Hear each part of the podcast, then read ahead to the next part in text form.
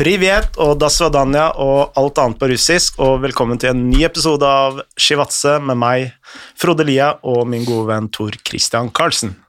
God dag, god dag. Og i dag har vi jo med oss uh, uh, Altså, han er mest kjent for å, å være agent, men jeg blei egentlig mest uh, Eller første gang jeg hørte om han, det var når han utgjorde det mest berykta midtstopperparet i Oslos breddefotball i tospann med Mendy på Oslo City. Og det er vel aldri i Oslo fotballkrets historie vært et midt, midtstopperpar som har kvesta flere knær og ankler enn deg, Ataneke, og, og i tospann med Mendy. takk, takk, takk. Gode tider, det der. Det var gode tider. Kan du snakke inn i Ja. mikrofonen? Yes, Ja. det er fint. Uh, ja, uh, savner du å kveste ankler? Jeg holder på litt nå på Høybråten og Stovner Oldboys òg, da. Så holder det gående der. Så det er mange som får føle på de taklingene der. Ja. Så er, man må jo holde det gående, og det er gøy å spille fotball. Det Dette visste ikke du, eh, Tor Christian. Nei, jo, det korresponderer jo ikke helt med mitt inntrykk av Ata, som er hyggelig og gentleman, men det blir jo sikkert en annen type av fotball ut på, ut på en bane. Skal jo si at eh, ditt, eh, din uh, midtstopperpar, Mendy, var kanskje hakket hvassere. ja, Han tror jeg er en av de strengeste mennene jeg har møtt, eh, ja. Han var, eller hørt om i hele mitt liv. Ja, han ble jo hentet opp på prøvespill eh, på høyere nivå, så han var jo altfor god egentlig for å spille i tredje divisjon. Jeg tror han kunne spilt eh, kanskje eliteserie til og med, hvis han var eh, seriøs og på en måte Men han koste seg, og, og fotballen var ikke akkurat prioritet. Eh, før eh, kampene så gikk han bare og dusja. Han varma aldri opp. Han bare gikk i dusjen og tok en varm dusj og tok på seg shortsen og ut og spille. Aldri noen oppvarming. Dette er Mendy som spilte for deg? Nei, det er faren til eh, Dam Mendy. Ja, og Jean Mendy. Ja, det er, litt Er det broren? Ja, Ja, riktig. det er broren, ja. HamKam og Ja. Belgia og litt sånn? Ja, er stemmer det. Ja. Mm. Men hva var Oslo City? Det har egentlig gått meg litt hus forbi. Jeg har jo vært i utlandet. Er det noe Oslo City er en legendarisk klubb som faktisk ble starta av faren til Atta. Å ja. Og de spilte seg opp fra niendedivisjon opp til tredje, eller det som er tredje i dag. Ja, vi var faktisk helt oppe i annendivisjon ett år. Ja. Det som er Post Nord-ligaen nå. Uh, så jeg tok vel egentlig over og var, styrte hele klubben fra Jeg gikk på videregående, tror jeg, og så tok vi den fra sjette divisjon. Eh, og så ga jeg meg som spiller i tredje, fordi man kunne ikke kombinere det å være spiller på et sånt nivå med å være agent også.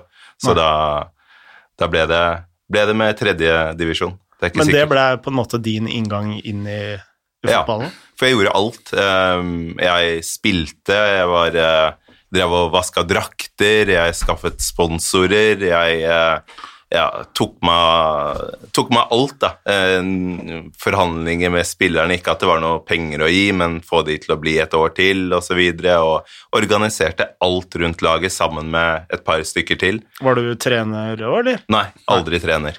Så det var på en måte inngangen eh, min, hvor jeg da begynte å gi litt råd til spillere som var ønsket litt høyere opp osv., og, så videre, og, og egentlig skjønte at det var fotballen jeg ville drive med. Så jeg har lagt igjen uh, utallige timer uh, med frivillig arbeid også, organisert fargerike fotballturneringer, holdt på. Så det var, det var sånn jeg startet. Ja. Uh, mm. Så du er god på å vaske drakter? Er veldig god på å vaske drakter.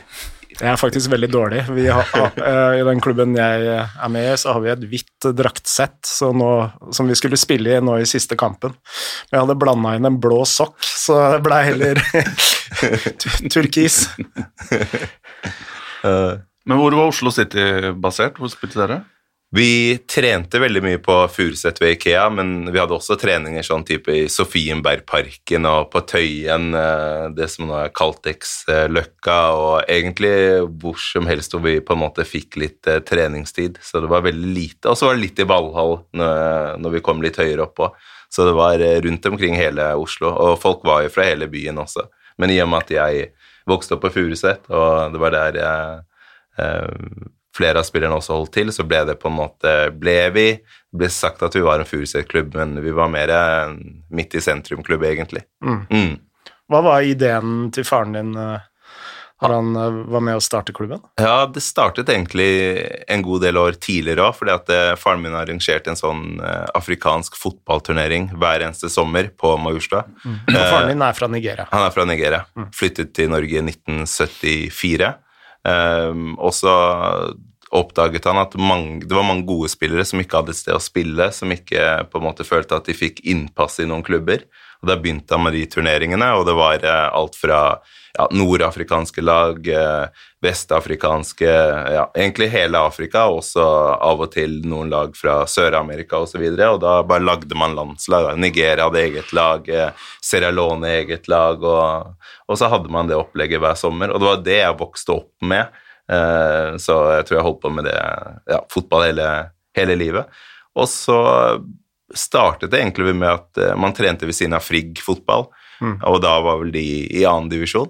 Så inviterte de oss til å spille en treningskamp, eh, hvor man da plukket ut de beste spillerne fra turneringen og spilte en sånn all-star-kamp, da.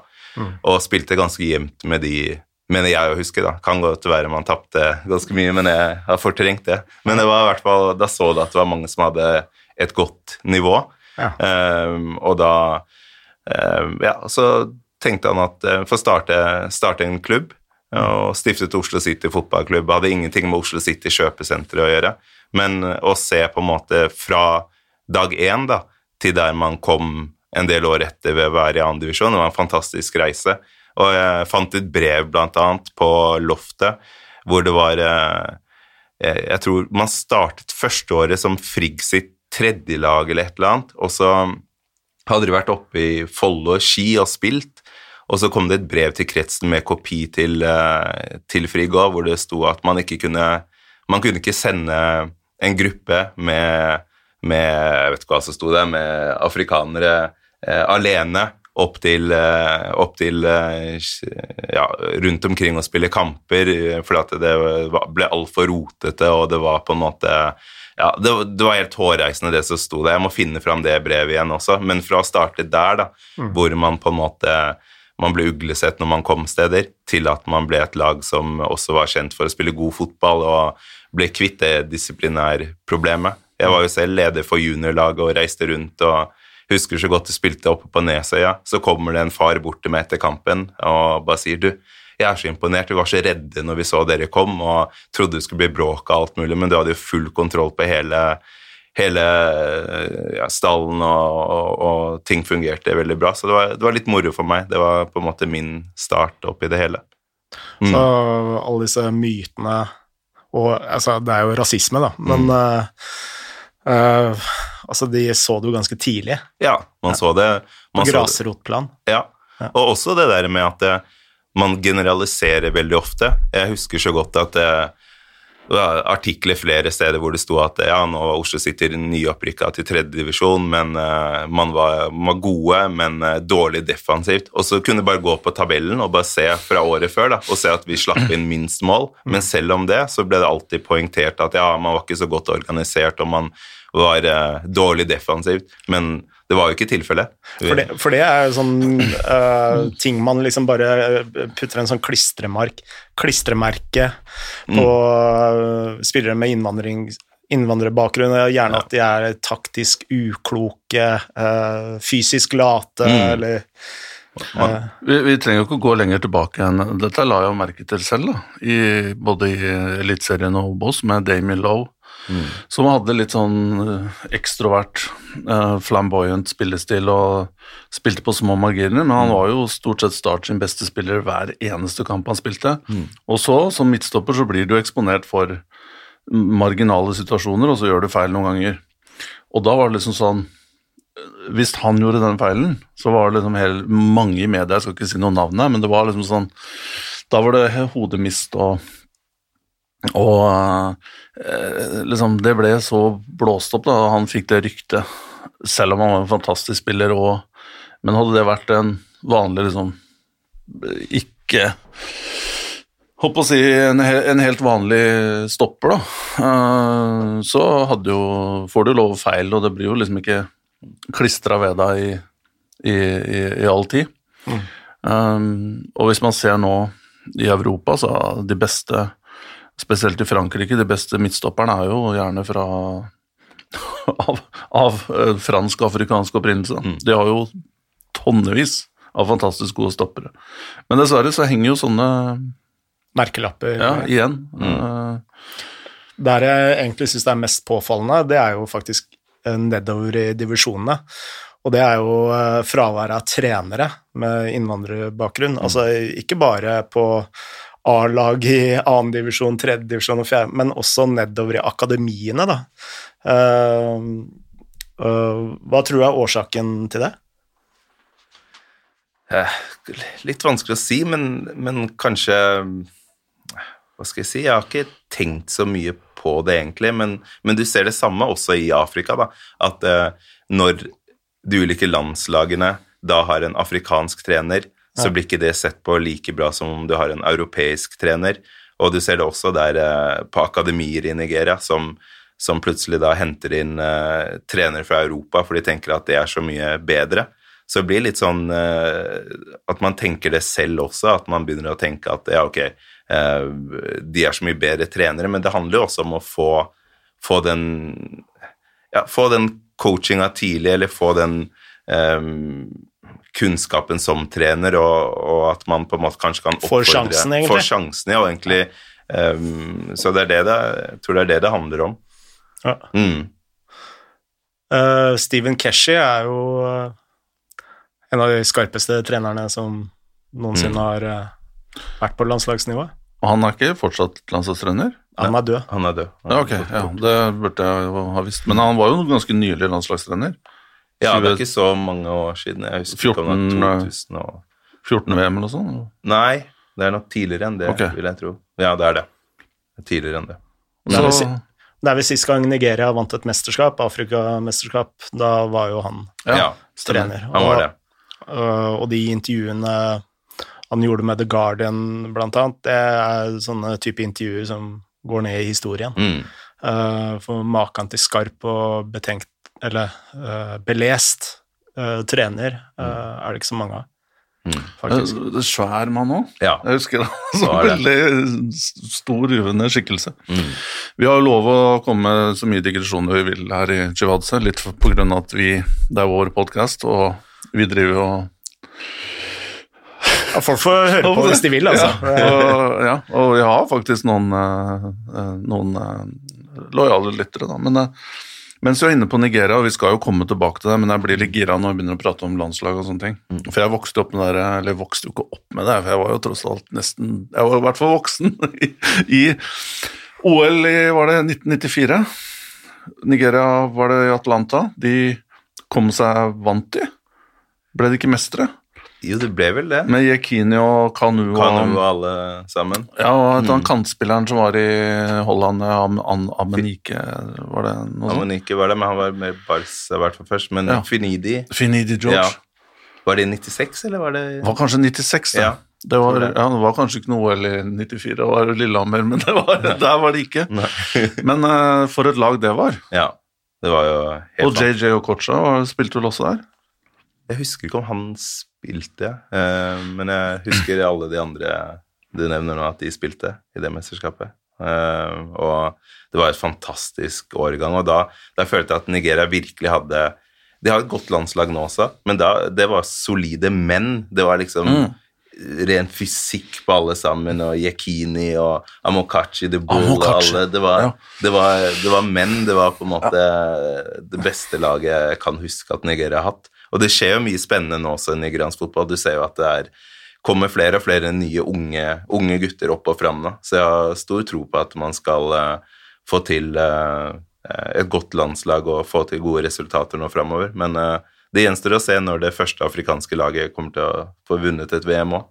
Ja, Ghana har kommet Er det Ghana som har kommet lengst siste årene? De kommer vel til kvartfinalen Ja, eller noe. og røyk Ja. der med Suárez som Hensa, ja. Ja. tulla litt på slutten der. Mm.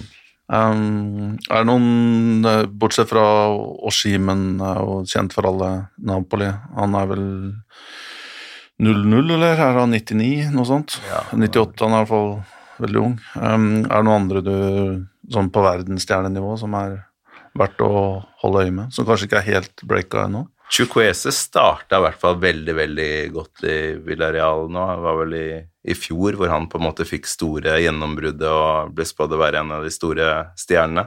Så det har vel blitt litt mer stille nå rundt han, men uh, det er jo en spiller med, med bra kvalitet. Mm -hmm. Så han har forhåpninger til. Har det. Og så må jeg også dra frem Ejuke, da. Jeg, ja, selv om det er min, min spiller, så, så, har jeg veldig stor tro på han. har fantastisk type og og, og, spiller, og den lekenheten han har, og eh, sånn type spillere jeg virkelig elsker. Så jeg tro, håper og tror at han også kommer til å få til noe på landslaget. Hadde debuten sin nå, nå nylig, og blir tatt opp nå til dobbeltlandskampen mot eh, Sierra Leone nå i neste, neste måned. Er det dobbelt playoff-opplegg? Ja. Så vinneren går videre over de to kampene? Ja. ja. Uh, Juke, uh, og det er lov å skryte av seg selv også her på podkasten. Jeg har gjort det masse, og prøve å snakke så lite som mulig om det jeg ikke har fått til. Men uh, ja, er Juke sånn Du har jo hatt mange um, suksesshistorier med nigerianere til Eliteserien også ut, mm. vil jeg si. Egentlig et ganske høyt snitt, tror jeg, treffer rate, må jeg, må jeg si.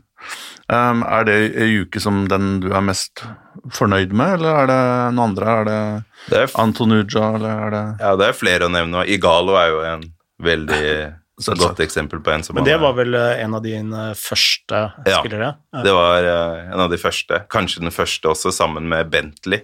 Så, så spilte i Odd. Ja. Uh, så Igalo var jo på prøvespill i Lyn par to-tre ganger og sto og frøs på Kadettangen i minus 20 grader. Og, så det, det, er litt gøy å ha vært med på den reisen, da, fra å på en måte se han i, i lag og spille der. Hente han opp på prøvespill, bodde hos meg i en måned. Uh, var med meg uh, Da jobbet jeg på Ikea, på kontoret der, backoffice på kundeservice, og han var med på bedriftstreningene når jeg dro dit på søndager. og bare koste seg. Så det er liksom fra å se det der da, til uh, å gå ut på Old Trafford og spille, det er, det er, det er stort. Kan vi gå litt tilbake til Gallo, fordi mm. Altså, det var jo din Om ikke det var din aller første spiller, så var vel den aller første som blei veldig stor, for han gikk til Grenada, mener jeg å huske. Udinese først. Udinese først men de var jo også eid av samme, ja, samme eier. Mm. Mm. Um, men på den tida, altså, som du sier, du jobba på Ikea. Mm. Så hadde du da bestemt deg for å bli agent, og så hva var hele denne prosessen at du plutselig dro ned til Nigeria, finne Gallo Nei, det var vel egentlig det at jeg satt en dag, og så i forbindelse med at jeg drev med Oslo City fotballklubb, og så tenkte jeg at jeg jeg har veldig lyst til å jobbe som, som uh, innenfor fotballen. Skjønte at jeg aldri ble god nok til å kunne leve av det å være fotballspiller. Det skjønte jeg veldig tidlig. Kanskje når jeg var 15-16, så visste jeg at det ikke kom til å skje. Um, og så satt jeg ned, så skrev jeg en mail som jeg da sendte til alle agentene. Det var jo ikke mange på den tida, kanskje ni-ti stykker. Mm. Følte meg egentlig ganske dum etter at jeg hadde sendt den, for det var litt sånn sånn Ja, men det var en fin mail hvor jeg skrev at jeg var fotballinteressert, hadde gode kontakter i Nigeria, ønsket å jobbe som agent, jeg var villig til å jobbe gratis, jeg ville bare få en fot innenfor. Og så fikk jeg svar. Så, og det var kjempe, kjempestort. Um, og da dro jeg rett ned til Nigeria. For sannheten var at selv om jeg hadde vært i Nigeria, så hadde jeg jo ikke sånn kjempe gode kontakter i Nigeria fra før av, bortsett fra at man hadde familie der. Mm. Uh, og hadde spilt mye CM. Jeg var helt rå på CM, Championship Manager. Så jeg spiller det fremdeles, forresten. 01-02 som jeg oppdaterer, for det var det kuleste. det er den kuleste overgangen. Ja, så i går så satt jeg og spilte til to på natta. Seriøst? Så ja, uh, Dundee uh, tatt, De prøver å vinne serien i Skottland og ja. så. Så, så. du er egentlig agent bare så du kan finansiere CM-spilling? Ja. så hvem var, hvem var det som hjalp deg da i Nigeria? Hvem var du Nei, jeg eh, tok da kontakt eh, med noen agenter som jeg så eh, fant på nett. Eh, så var agenter og gjorde det bra i Nigeria. Eh, samtidig også tok jeg faren min, hadde også en del kontakter der nede. Mm. Reiste ned, begynte å se masse forskjellig. Og det er ikke så lett i starten, fordi for det første så må du kunne oversette det til nivået her hjemme òg.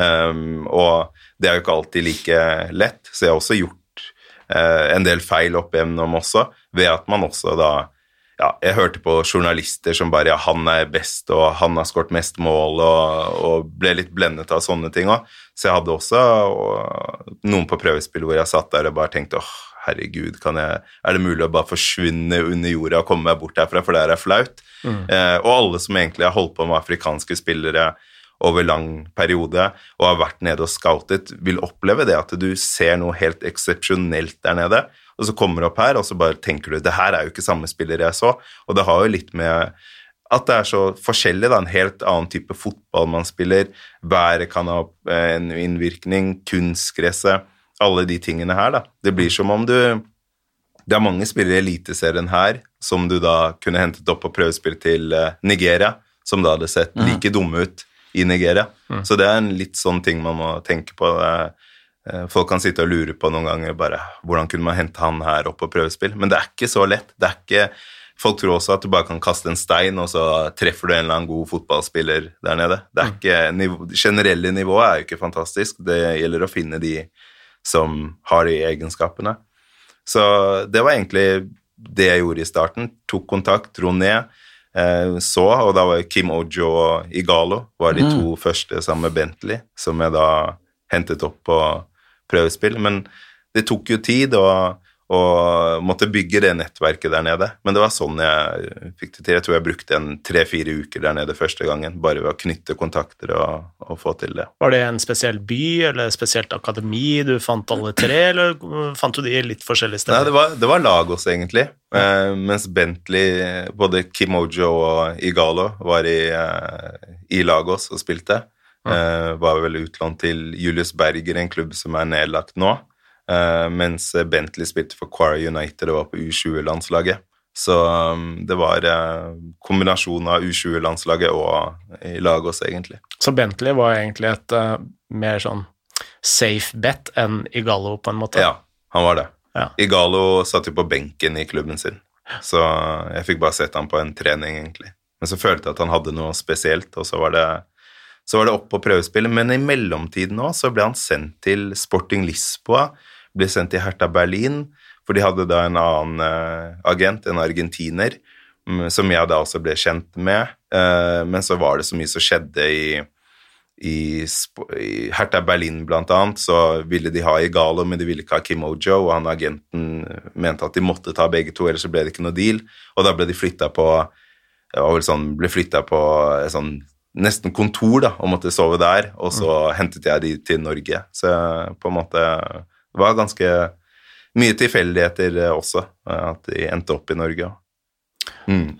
Det, er, det, er, som Tor Christian sier, du har en veldig god sånn hit rate med Jeg veit ikke hva som egentlig er sånn Hvis man eh, treffer på over 50% så er vel det Ja, da er det jo Vanvittig? Ja, det vil jeg si. Ja. Men hvis du treffer på jeg vil si 30-35% så mm.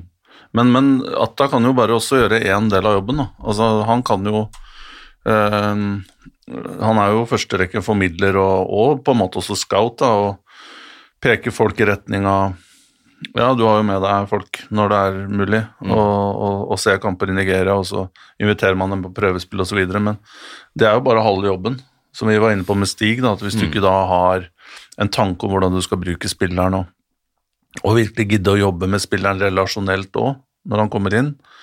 At man må bruke tid på at han, her er det et system, og du må lære deg liksom, bevegelsene til de andre spillerne. Mm. Dette forventer vi deg, av deg taktisk og sånne ting. Så jeg har følelsen av at veldig mange tror at ja, nå henter vi en 19-åring fra Nigeria så liksom går alt på skinner og skal man ikke gjøre noe, noe mer, men uh, Men du, du, sa at du bomma litt i starten mm. og ville synke under jorda.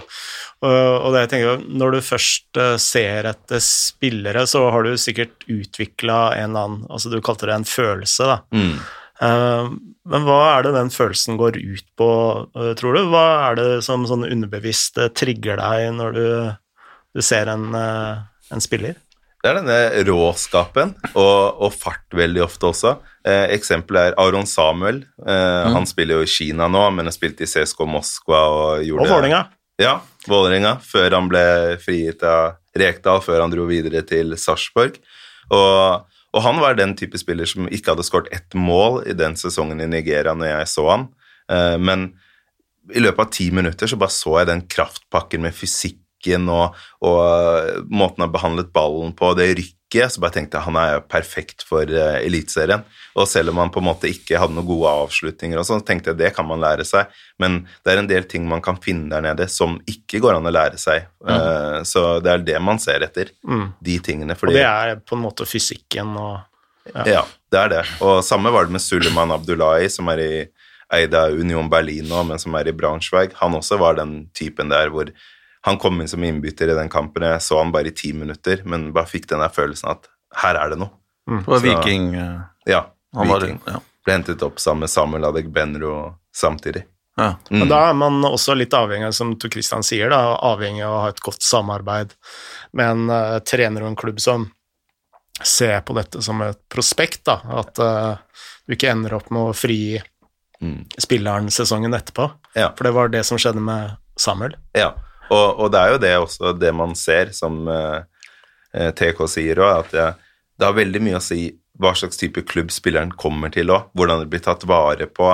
Uh, også veldig, veldig mye å si uh, hvordan, hvem trenere som er der. Jeg har masse eksempler på at jeg har hatt flere gode nigerianere i en klubb, og så kommer det en ny trener, og så blir de verdiløse, de spillerne, egentlig, og så får man ikke til den samme kontinuiteten med å hente opp gode spillere, fordi at treneren egentlig ikke Han er ikke så klar for å bruke den ekstra tiden på de her, eller, eller kanskje ser mer på det, det, de mangler, enn det de faktisk har, og det man kan utvikle. Så det er veldig, veldig mye å si. Og jeg har jo klubber også som jeg aldri tar kontakt med når jeg har um, spillere som jeg føler er gode nok, da. For nå blir det jo litt sånn at du finner ikke ti stykker der nede som du tenker de her er fantastiske.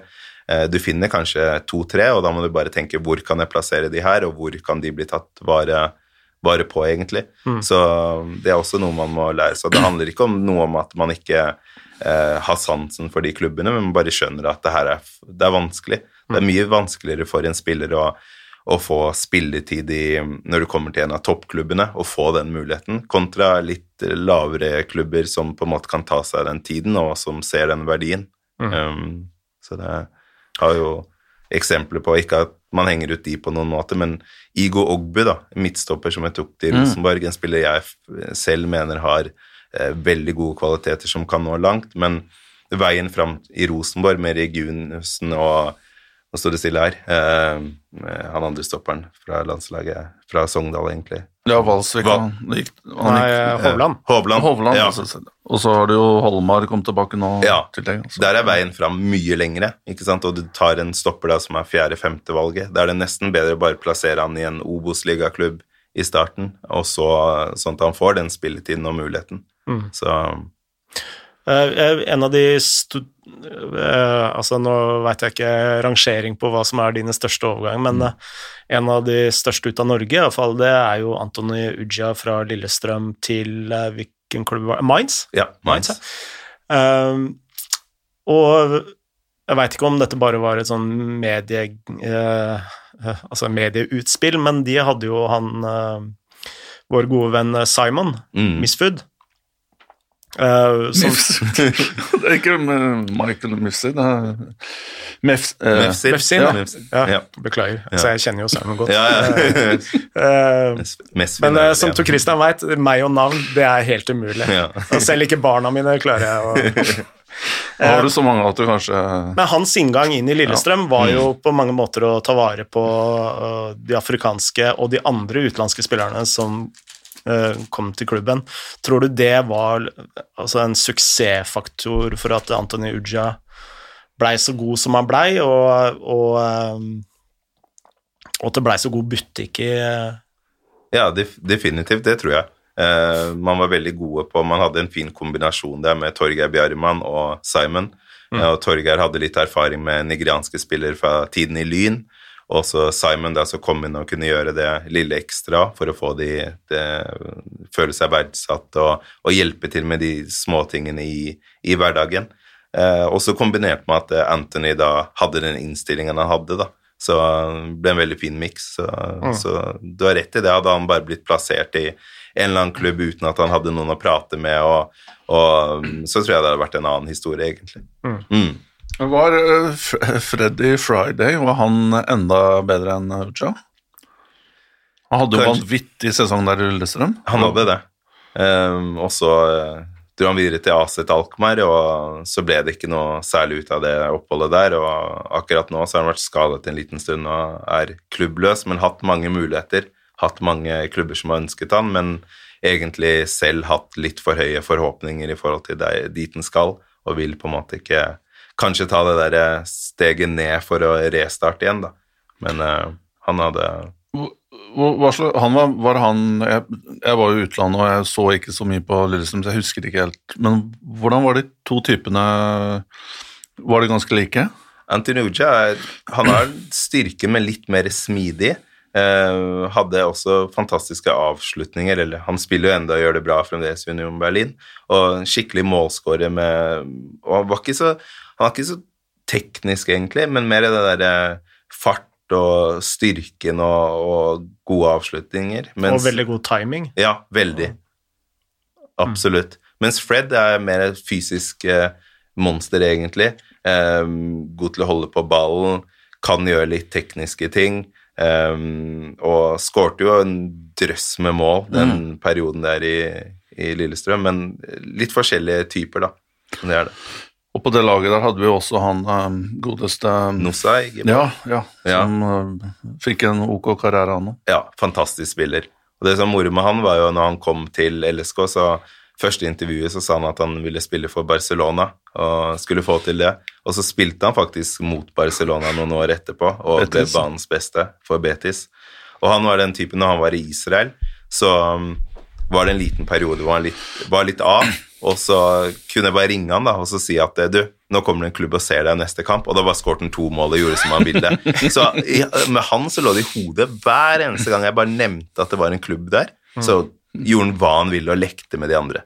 Mens, Mens, mens andre spillere må du kanskje ikke nevne. ja, det- for da får de nerver og ja. Så, mens med han var det et motsatt, men jeg kunne ikke bruke den i hver eneste kamp. Nei. Så Men han fikk en fin karriere med Akabi Tel Aviv og Hapoel og Betis og Ja. ja. virkelig. Mm. Eh, Altså, vi snakka litt om myter. Altså, hva, hva er de største mytene eh, med tanke på nigerianske spillere som kommer til Norge? Altså, fordi altså, Nigeria er jo et kjempestort land. ja. Uh, ulike regioner, ulike religioner, Mm. ulike stammer. Altså, det er jo eh, Altså, det er et vidt spekter her. Det er det. Jeg tror det, det er det at alle tenker på Nigeria som ja, det er nigerianer, og så tenker de at alle er like, sånn som du sier. Det er så stor forskjell på en, eh, en fra nord og en fra sør, og selv i sør også er det store forskjeller. Eh, man kan Ser du noen som er fra Warri, f.eks., som er oljedelta-området, så vet du at eh, da er de ofte tøffinger som har opplevd mye, og som ikke er sjenerte og kommer med den største selvtilliten i hele verden. Mens for en fra nord, så er den kanskje litt mer beskjeden. Um, og så kan det også være store forskjeller i språk òg. Mm. hadde Suleman Abdullahi når han kom sammen med Adegbenro. Suleman kunne jo ikke et ord engelsk, og det var også nytt for meg. Eh, For du tenker jo at alle nigerianere kan engelsk, men det er faktisk en del oppe i nord som ikke kan engelsk også, som snakker kun ja, Forstår litt pidgin English, som det heter i Nigeria, og, og hausa, da. Så og bare det å tenke at alle nigerianere er like, og at du hvis du da har funnet suksessformelen for én spiller, så gjelder det de andre òg. Og sånn er det ikke. Og også det at man tenker at alle spillere er så svære at alle har den fysiske pakken. Men det er jo ikke sånn.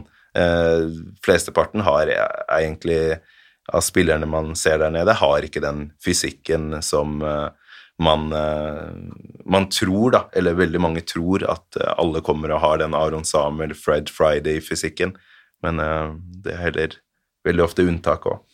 jeg hadde jo vi hadde jo en på prøvespillestart som uh, var en tur her i Norge. Ja. Han hadde fysikken i orden. Ja. Husker du han? Ja, definitivt. Eh, Elijah. Ja. Han så ut som uh, tungvektsbokser. Ja. Måtte vært 1,95, og, ja. og uh, han var uh, Er han Vet du, Har han kommet seg til utlandet? Eller? Jeg tror han spiller i noe Bahrain eller et eller annet. Okay. Han spiller i en eller annen gulf, uh, gulfstat. Han kan jeg forestille meg. Han skåret et mål der i, mot uh, Vindbjart, tror jeg, en treningskamp. Ja. Han er Ja. Jeg har i hvert fall aldri sett en spiller med en tilsvarende pakke.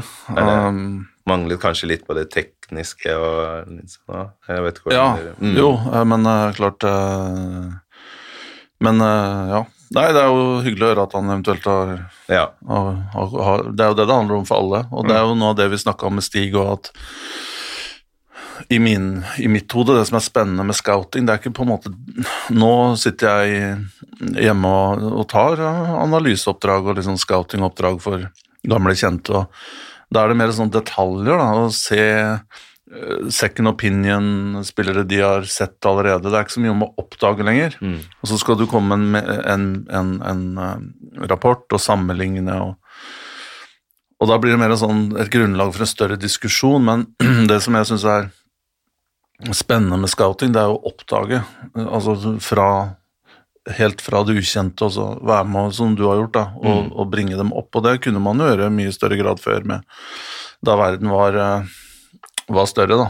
At du ikke hadde Wirescout og Instat og satellitt-TV og internett og, og, og, flyforbindelser, og så du måtte være mye mer kreativ i, i søken. Og, um, men jeg, jeg tenker jo at det er kun egentlig der du kan virkelig lete og finne virkelig gull, det er vestkysten av Afrika.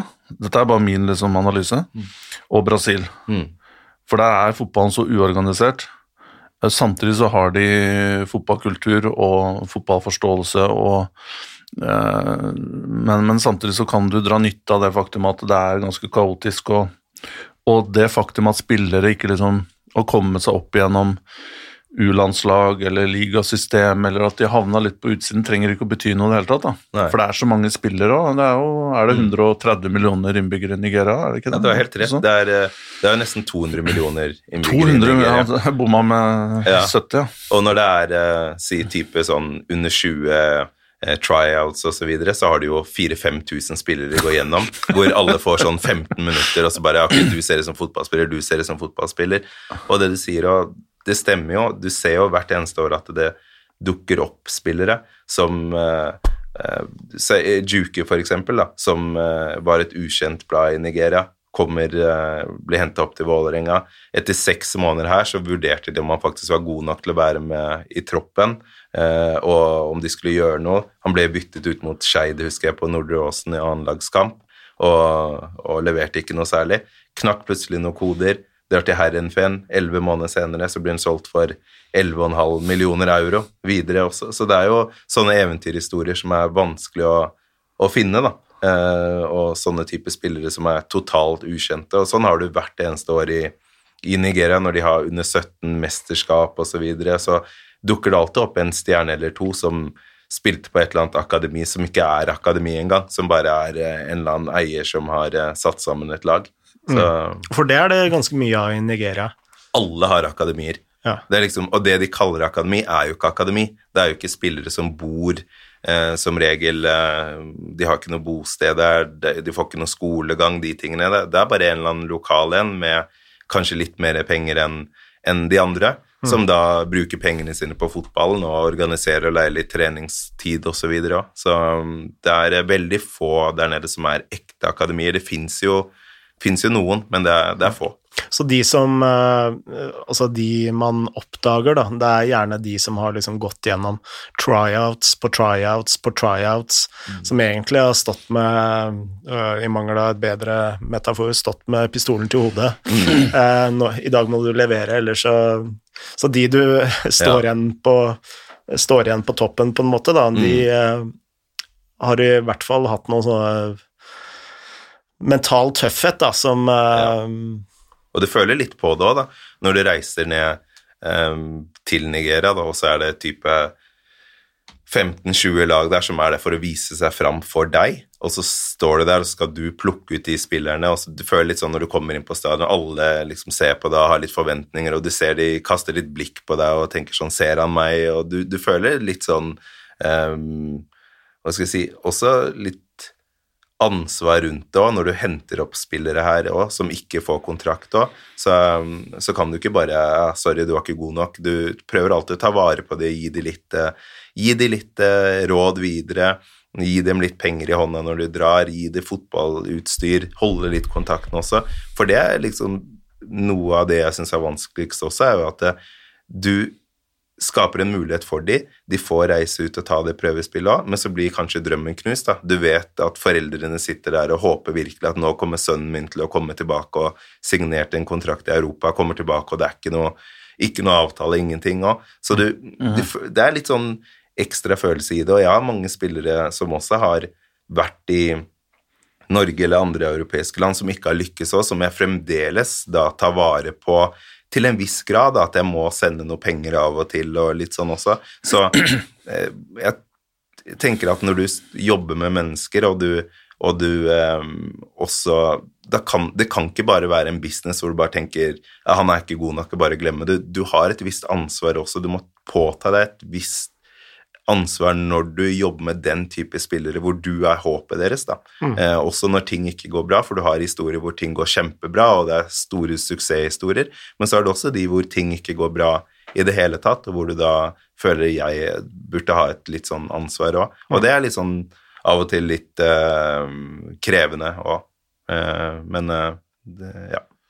For å skape et bilde Dette er jo litt sånn naivt spørsmål, da. Mm. Men jeg har jo aldri vært i Nigeria. Jeg har vært i nesten 100 land, men jeg har vært kun veldig få ganger i Afrika, men ikke i Nigeria. Så jeg kjenner ikke eh, liksom realiteten der, da. Men jeg har snakka en del med Afis og Aremi og Adeleke og litt sånn, da. Men jeg kjenner jo dem godt.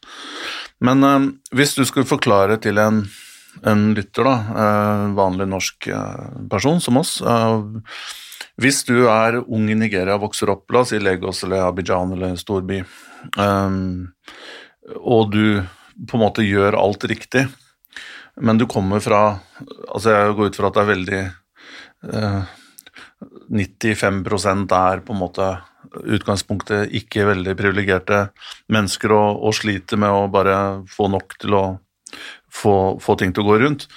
Men du tar deg utdanning innenfor de rammene du kan, og du på en måte har lest litt og er på en måte Du legger et løp. Hva er sjansene for at du da skal klare å få deg et godt liv? Det, det, er jo det du ser i Nigeria nå med NSAS-protestene. Ja. Jeg vet ikke om du har fulgt med der, men ja. det, det handler om eh. politivold. Men de stikker mye dypere enn bare det med politivold, for folk er leie. Folk er lei eh, det faktum at du, når du er ferdig med universitetet, ikke har noen muligheter. Du ser så mange folk med lange, gode utdannelser som blir svindlere. Internettsvindlere. Mm. Eh, du ser uh, unge personer som føler at de ikke har noe håp i livet, at det ikke finnes muligheter, og så ser de en elite som egentlig bare blir rikere og rikere og sitter med enorme uh, summer og sender ungene sine til utlandet for å gå på skole. Så det, det, stikker ganske dypt, det problemet der, og det er jo det, det, man opplever nå, da. At det er veldig få muligheter for de unge. Og det er jo en av de yngste befolkningene i, mm. i verden også. Og så har jo oljeprisen Jeg tror Nigeria baserer jo Uh, inntektene sine på mer enn 99% kun på oljen, og når prisene har falt sånn som det har gjort også, så, så, det, så skaper det problemer eh, ja. for alle mann egentlig. Så, så, så, løsningen, eller den Det sier jo eh, egentlig Forklarer jo det du sier, da, at eller, det, dette er jo ikke noe hemmelighet heller, da, at drømmen er å komme seg ut, og, og da er det heller eh, Da er det heller eh, ja, et alternativ å og, og istedenfor å dra nytte av den fine utdanningen kanskje du har skaffa deg, så tar du en dårlig jobb i Europa, eller hvis man er så heldig og kommer seg dit. Ja, jo... Men jeg tror det er veldig vanskelig for oss å sette oss inn i egentlig hvor, hvor mye som står på spill. Det er det jeg vil fram til, mm. når en kommer fra Nigeria og skal vise seg fram i Norge. Ja. Um, og du nevnte jo mor og far, men det, det, er vel sikkert mange flere enn dem som det det. sitter og venter på ja. utfallet. Mm. Og det er også et, uh, sikkert noe som du må preppe dem litt på Eh, der har du en stor rolle, da. Men jeg kan jo også tenke at det er mange menneskelige ting her som ikke man tenker så mye på vi som ikke er involvert i det, Ja. at den der skuffelsen og tilbakemeldingen og Jeg husker vi hadde en uh, annen nigeraner på, på, eh, på uh, som kom innom og trente. Det var ikke fra deg, men han, han var allerede i Norge, hadde vært et eller annet sted, og det var på sommeren, og sa kom, ja, kom innom. Og han trente i fire-fem dager og var ikke så verst, um, men var litt lik de spillerne vi hadde. Eh, Så, og så var det utlendingskvoten det var, var, et, eh, var en utfordring og sånn, så vi sa nei, men jeg kan gi deg gode referanser, og, men dessverre så er det ikke akkurat Men han, han ble jo så lei seg, og så han sa liksom La meg bli, gi meg en kontrakt, skal jeg vise deg liksom, Jeg skal klare det her, og, og det er jo på en måte det er jo mennesker oppi der, og det blir jo liksom Det å da være den som ikke Eller som gjør at hans drømmer ikke blir oppfylt, da, i det tilfellet der, det er jo Det er liksom øh, Jeg har vært i en slum i Nigeria. Men det er enda tøffere for han, da, eh, bare så det er sagt. Ja, ja. Jeg, altså, jeg har vært i en del slummer både i Rio og Sao Paulo og i Nigeria. Eh, og de menneskene du møter der, det er sånn du sitter med en følelse av at de kjemper for livet, da. Eh, For hvert lille halmstrå de kan, eh, kan få til seg. Eh, det er liksom livet eller døden-inntrykket. mm. Og det, det jeg syns Hvis jeg skal si noe fint eh, Litt sånn, litt sånn eh, klapp på skulderen til norske klubber òg, det er jo det at eh, du opplever ikke det du opplever i eller de historiene du hører om i Italia, Belgia, hvor du da henter prøvespillere som eh, plutselig står der uten returbillett, og som da ender på gata og alt det. Alle prøvespillerne som man har opp eh, i, eh, hos norske klubber, blir jo boende på hotell, spiser på hotellet, mm. blir fulgt opp ordentlig av klubben når de er her òg. Så det, det er i hvert fall en ting som eh, jeg tenker er en veldig fin ting, da, som kanskje skiller oss fra en del andre land også, at man faktisk viser den respekten. Um, ja. Men jeg kan si noe positivt om eh, Nigeria, i hvert fall to ting. Eh, og hvis jeg har forstått det riktig, altså hvis du ser bort ifra Boko Haram, da, så er det veldig lite fordi i Nigeria så er vel sånn eh, røft regna halvparten kristne, halvparten muslimer. Eh, men det er veldig lite religiøse motsetninger eh, i eh, Nigeria, og du ser veldig mange gifte seg på tvers av eh, religioner. Og det er noe, altså, noe veldig unikt i verden sånn egentlig. ja, du har helt rett i det. Ja. Det er, eh, og så er det jo et happy folkeslag, vil jeg si, når du kommer ned dit. Alle går fine i tøy og, og smiler og eh, verdensmester i å arrangere fester. Ja. Så det er et eh, klart Jeg, jeg har alltid gått litt sånn eh, sluskete, da. Eller pappa kaller meg bohem. Pappa fra Snarøya, liksom. Eh, og han sier ikke det i positive ordelag. Eh, når jeg er i Brasil eller Nigeria, så er jo jeg som ser, ser fattig ut. Eh, så de eh, er veldig opptatt av det. Eh, siste positive ting. eh, jeg er jo glad i mat. Fofo, Ja, det er godt. det er det. Fantastisk. Hva er det, Otto? Det er, en, det er en saus som da består av Du kan ha, blande alt, egentlig. Ha kylling, eh, kjøtt, fisk Mange ganger også i samme gryte, egentlig. Eh, og så har du en masse Veldig ofte så er det enten pounded yam, som er da yam eh, som en slags potet, Ja. som da blir eh, ja, litt sånn potetmos, men mye hardere, da. Ikke sant? Som du da dypper i sausen og bruker hendene og, og spiser. Og det er veldig, veldig godt. Og det fins mange forskjellige variasjoner av de ulike sausene. Så det Det er sterkt. Jeg elsker jo sterk mat. Ja, det er jo sterkt, men du Kan få sterkt som du vil. Du Bare lesse på med chili og Ja. Men det er ikke veldig sterk mat eh, generelt i Nigeria? Eller? Jo, det er mye sterkere enn det det er her, hjemme i Norge, for å si det sånn. Det er på India-spekteret. Å ja. Nei, da Jeg har jo vært en del i Sentral-Amerika og sånn, og jeg har jo hatt lokale der som har løpt unna den burritosen som jeg satt med. Ja, Som eh, Nei da. men men ehm, bare tilbake til Juke, mm. for det er jo en veldig spesiell historie, syns jeg. Og jeg var også faktisk litt der da jeg så han i begynnelsen i Vålerenga og tenkte sånn så, på det relasjonelle, da. At det var liksom veldig mye han skulle dra en mann ekstra. Og så kom det en løp fra indreløper der, men han brukte ikke det. og når de bekken og indreløperen hadde på en måte fått åpna, så tok han feil valg og gikk seg litt fast. og så var mye sånn. Eh, Så han, da han kom, så slo han meg liksom som veldig uskolert, da. Men det var jo egentlig dreide seg om seks-åtte måneder, så ble han en helt annen spiller. Ja, det handler jo det om at de på en måte aldri har fått den ordentlige coachingen der nede, har ikke hatt gode nok trenere. Se på avslutninger, for eksempel. Da. Um, nesten uten unntak når eh, spisser kommer på prøvespill fra Nigeria, når du da tar øvelser på, på det å sette skudd og, og avslutningsøvelser, så sliter alle mann. Hvorfor? Fordi veldig ofte så er det ikke noe nett bak målene. Ofte er det bare to-tre baller. Så tenk deg selv, vi skal drive avslutningstrening med to-tre baller, og hver gang du skyter dem ut, så må du bruke fem minutter på å finne ballen igjen. ikke sant? Så det er veldig lite av det.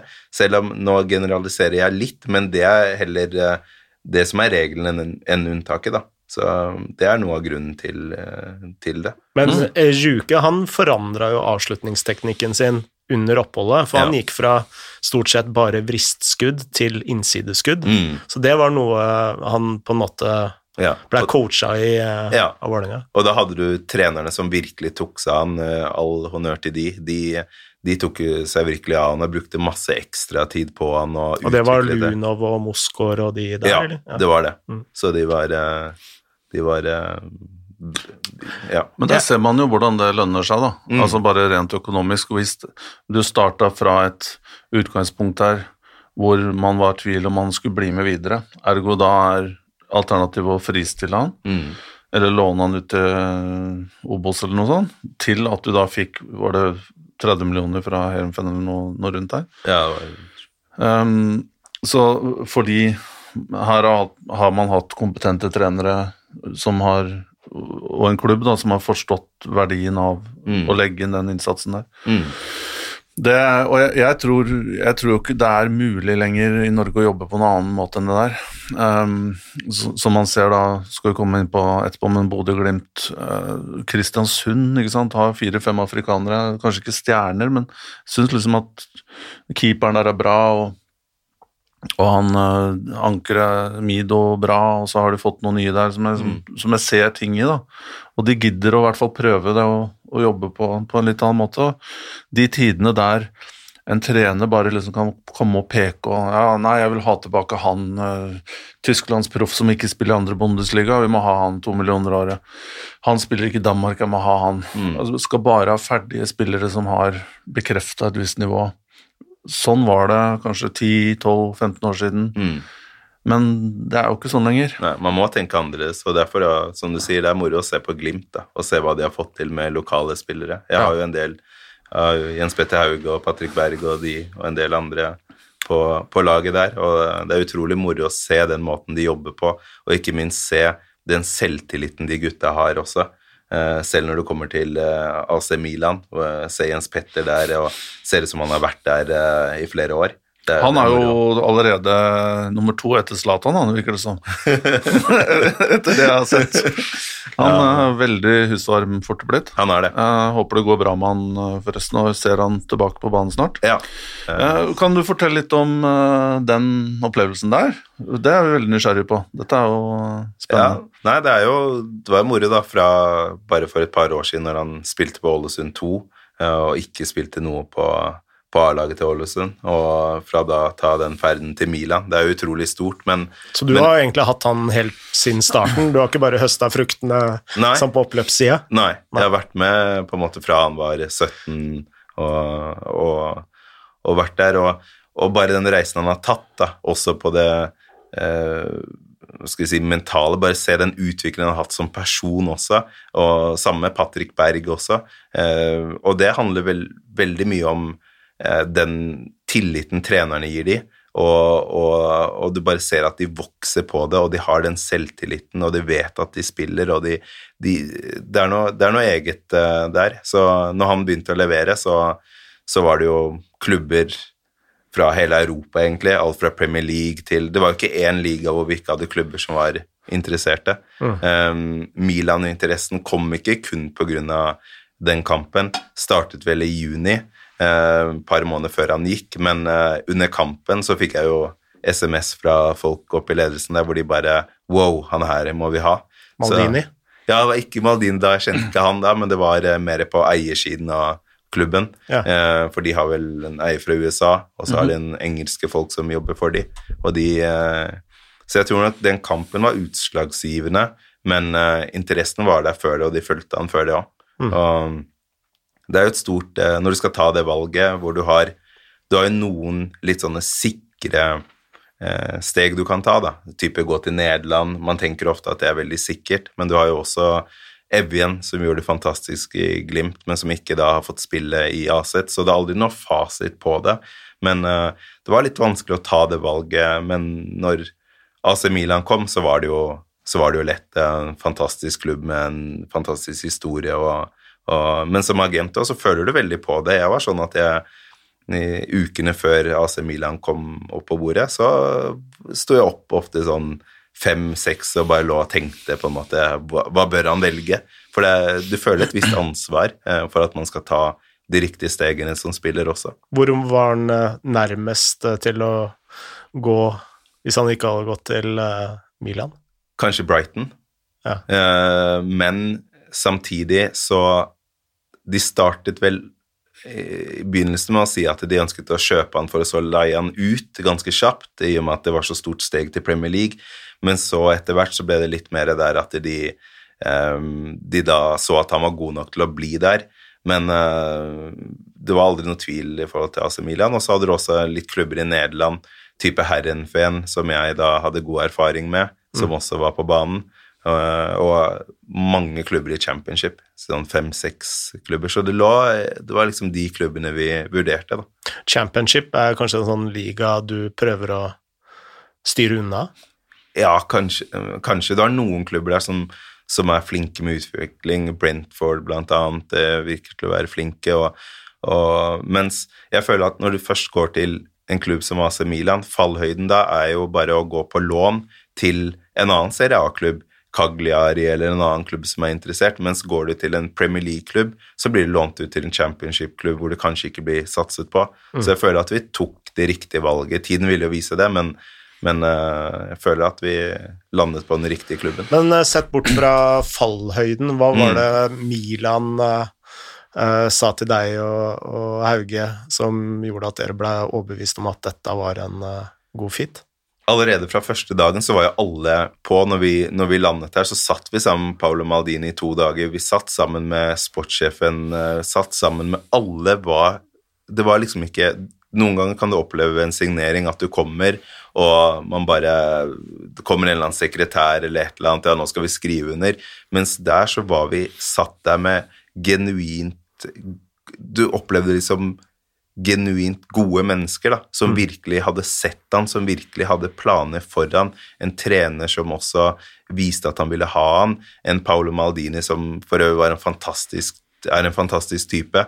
Måten han tok oss imot, og ikke noe nykker, ikke noe sånn jeg er Paolo Maldini, nå skal dere høre her, men faktisk, faktisk var ja, viste, så De viste virkelig at de ville ha han, og det har så mye å si. En skikkelig gentleman? Skikkelig. Ja. Og og de, de hadde jo har uh, gode planer foran, og vi fikk på en måte den følelsen som vi eh, følte vi måtte ha på plass da, for, mm. å, for, å, føle at det var det riktige valget. Mm. Jeg tenker jo at Jeg, jeg syns jo det er helt fantastisk med at, at han endte opp der. Da. Jo, vi er jo Italia-venner her i podkasten her.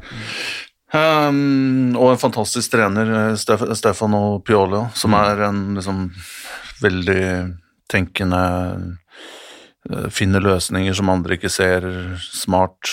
Veldig stor fan av han. Um, men uh, så dette gikk jo ganske kjapt. Altså, overganger pleier jo liksom å være mye sånn skyggeboksing, og så så faller det på plass etter hvert. Men mm. her så var det virka veldig Var du der i forbindelse med kampen også? Nei, jeg var ikke det i forbindelse med kampen, eh, i og med at det ikke var lov å slippe inn på stadioner osv.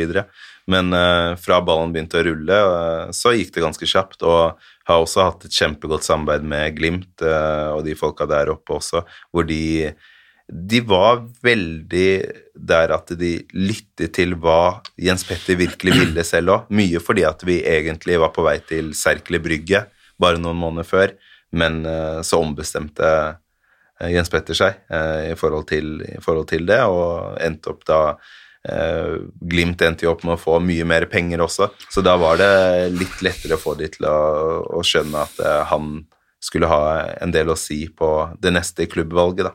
Men ja. Ja, Når Milan kommer, så er det jo på en måte Da, da løser det seg. Ja, det, Men når Jens Petter Hauge sier at han vil ikke dra til brygga likevel, Ja. hva tenker du da? Faen heller? Nei, egentlig så For den dealen ble jo egentlig avtalt før sesongen startet. Og når han da begynte å spille, og jeg så hvor bra han spilte, og, og da begynte vi liksom å tenke er Serkle Brygge riktig klubb, selv om de også hadde en veldig god plan for ham, og, og man, man tenkte at han hadde fått spille garantert og kunne tatt steget videre derfra, så skjønte man at det var um, større ting han kunne oppnå, da. Og da, da vil du jo utforske de mulighetene der, så da, da var jeg egentlig ganske ok med det valget der. Fordi det viktigste for meg er egentlig at spilleren har en godfølelse når han gjør det. Det verste jeg vet, er på en måte om du må da sitte og overtale spilleren. Jeg vil at spilleren skal føle det selv og ha ville og ha den lysten til det. Men det som også var fint, var jo at eh, Serkli de har jo samme eier som Monaco, og de var veldig forståelsesfulle når vi da ga den beskjeden. Selv om de gjorde alt de kunne for å få ham til å endre oppfatning, så var de veldig sånn Ja, ok, vi, vi aksepterer det, og, og han hadde jo ikke skrevet under på noe, hadde heller ikke vært på Medical, men de viste forståelse, da. Og, og det trodde jeg skulle være verre. Jeg gruet meg til å ta den samtalen. Da satt jeg liksom Åh, skal jeg gjøre det nå? Nei, jeg gjør det klokka fire. Nei, jeg gjør det klokka åtte. Så ble jeg litt sånn Så du er egentlig en ganske myk, eh, myk person, uh, Atta? Ja, jeg kan På en del ting så er jeg, er jeg nok det. ja, jeg, jeg har sett begge sider, jeg, da. ja. Så Ja, hva er din uh, opplevelse av Atta i sånne Jeg, forhandlingssituasjoner? jeg vil si at han er uh, konstruktiv, da. Så jeg føler jo jeg har hatt uh, godt, eh, god tone med, med deg, og ehm, og jeg liker egentlig bare at Altså, man Det er jo ikke sånn at man er enig med alle til enhver tid. Jo, man har forskjellige synspunkter, men det er viktig at man kan gjøre redde for hvorfor man er uenig, og det føler jeg at du er dyktig til, Atta. Takk det samme. Um, og så vil jeg også si at jeg vet ikke om du vil backe opp det her, men jeg, jeg var tidlig på banen med Hauge der, Du var det. eh, og, og prøvde Prøvde. Definitivt. Prøvde du å hente Hauge til start? Jeg gjorde det. Mm. Um, men jeg vet ikke om det hadde, hadde lykkes, da, men um, Men én ting jeg backer, eh, og da må vi to eh, sesonger tilbake. Eh, og det var eh, Du var den første jeg hørte om som eh, sa at uh, Bodø-Glimt eh, kommer til å gjøre Altså ikke at de kommer til å vinne Eliteserien, men at eh, de har noe veldig spesielt på gang. Ja, eh, det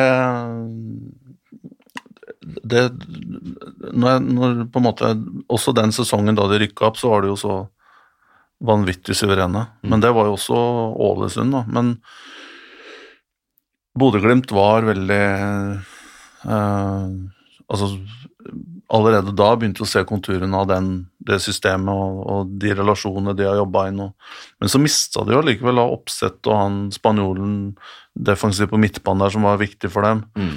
Men så plutselig, så, og det gjorde man da med vilje, tipper jeg, for du så at Berg-gutten var på vei gjennom og, og, og, og så Men jeg husker jo før 2019-sesongen så så jeg dem bare på TV, egentlig. Uh, og de spilte jo alle lag av banen der nede på Mabea. Mm. Uh, og igjen, de var så dominerende, og så var det litt sånn De var kanskje så effektive. Nå, nå er det litt sånn vagt, dette her, da, for det begynner å bli nesten to år siden. Men, men så tenkte jeg laget her kan jo ikke tippes ned i bunnstriden. Da skjønner jeg jo ingenting.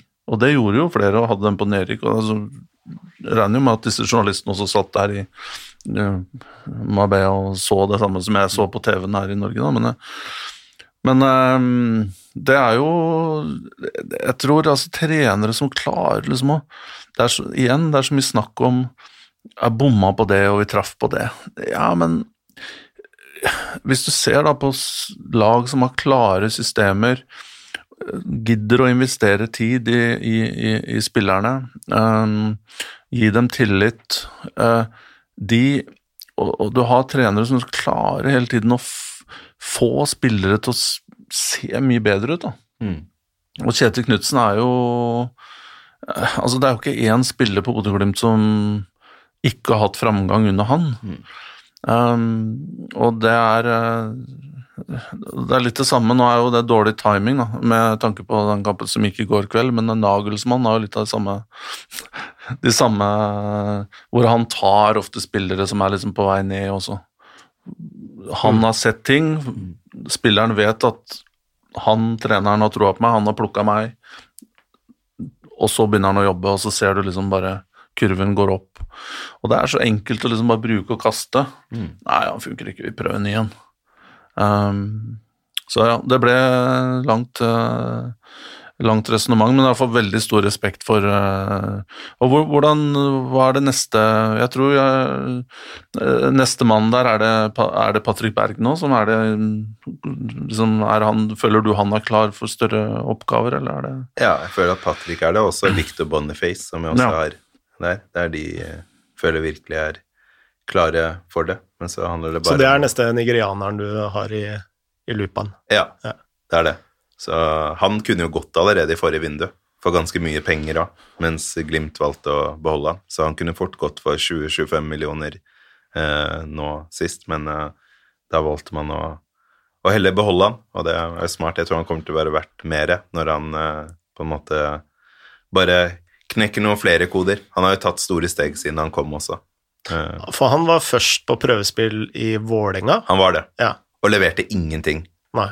Fordi du vet, veldig ofte så er folk veldig på der at det, man skal Jeg syns jeg syns ikke noe om det, egentlig, at om en spiller da har vært på prøvespill ett sted og ikke levert eller ikke blitt funnet god nok, at man da skal være ute og slakte den klubben da for å si at det, hvordan kunne dere ikke ta han, han er så og så god, og fansen kan jo mene det, Ja. men jeg så jo prøvespillet til Viktor, og jeg kom ned på Marbella, og når jeg så han på den treningen, så bare sier jeg hva er det du driver med? Du kan jo mye bedre enn det her. Og tok en, eh, både jeg og Christer, da, eh, som jobber eh, sammen med meg, tok en alvorsprat med han og bare sa at du må levere langt bedre når du drar til Bodø-Glimt. Og når han kom opp der, så var det leverte han på et helt annet nivå, hvor du bare Hæ, er det samme spiller? Så Men da kjente du igjen det du hadde sett i Nigeria? da kjente jeg igjen det. Og, og Men handler det litt om at eh, altså når eh, en del spillere da får et prøvespill, så tenker de automatisk at nå har jeg klart det, Eh, og så slipper de litt opp på gassen, eller er det en større variasjon der? Jeg, jeg tror at de på en måte bare skjønner ikke at de må spille for livet sitt, faktisk. At du, når du da kommer, så kan du ikke være litt laid back og cool. Du må på en måte vise at du virkelig vil, vil det her, da. Ja. Og du så ikke den der gløden i øynene hans. Eh, og, og hva det skyldes, det er jeg litt sånn usikker på, for man vet at han virkelig vil det her. Mm. Så eh, litt sånn vanskelig, men når han fikk da kniven på strupen, så var det noe helt annet. Mm. Så det, Men andre ganger så er det jo motsatt, at eh, klubber eh, Hvis jeg ikke husker helt feil, så Anthony Uja han Mm. Ja. var vel først på prøvespill i Vålerenga, ja. og Vålerenga ville ha han, Mm. og så kom Lillestrøm inn på Ja, det som skjedde var, både med han og Nossa, var at de prøvespilte så utrolig lenge hos Vålerenga uten at det skjedde noe, og Ja. så dro de da til uh, Lillestrøm på prøvespill. Og med Nossa var jo 55 dager hos Vålerenga, og så hadde de ennå ikke bestemt seg, og da ringte jeg og sa ok, men da tar jeg han til Lillestrøm. Så dro han dit og gjorde det kjempebra, og de ville ha han etter en uke, og da kom Vålerenga på banen òg, men da var jo han drittlei. Ok, ja. Ja. Mm. Så da er historien min Ja. justert. ja. Apropos prøvespill, og nå, nå får du velge om du vil gå ut med navn og klubb og sånn. Uh, og hvis ikke, så kan du Men det er jo en, noen av de mest sprø historiene jeg har hørt om en spiller du tok til Norge, som du hadde troa på. Angrepsspiller, det er ikke så veldig lenge siden, men så hadde han et uhell på vei ut av fly. ja. Og kan du Ja, det var en Ja. midtbanespiller fra Nigeria, som skulle prøvespille hos eh, Tromsø, en ganske god spiller. Eh, og så hadde de sendt han av gårde, da, eh, bare i flipfloppere, og det her var eh, på vinteren. Så Dette han- var fra Nigeria til fra Nigeria, men han mellomlandet til Addis Abeba i Etiopia.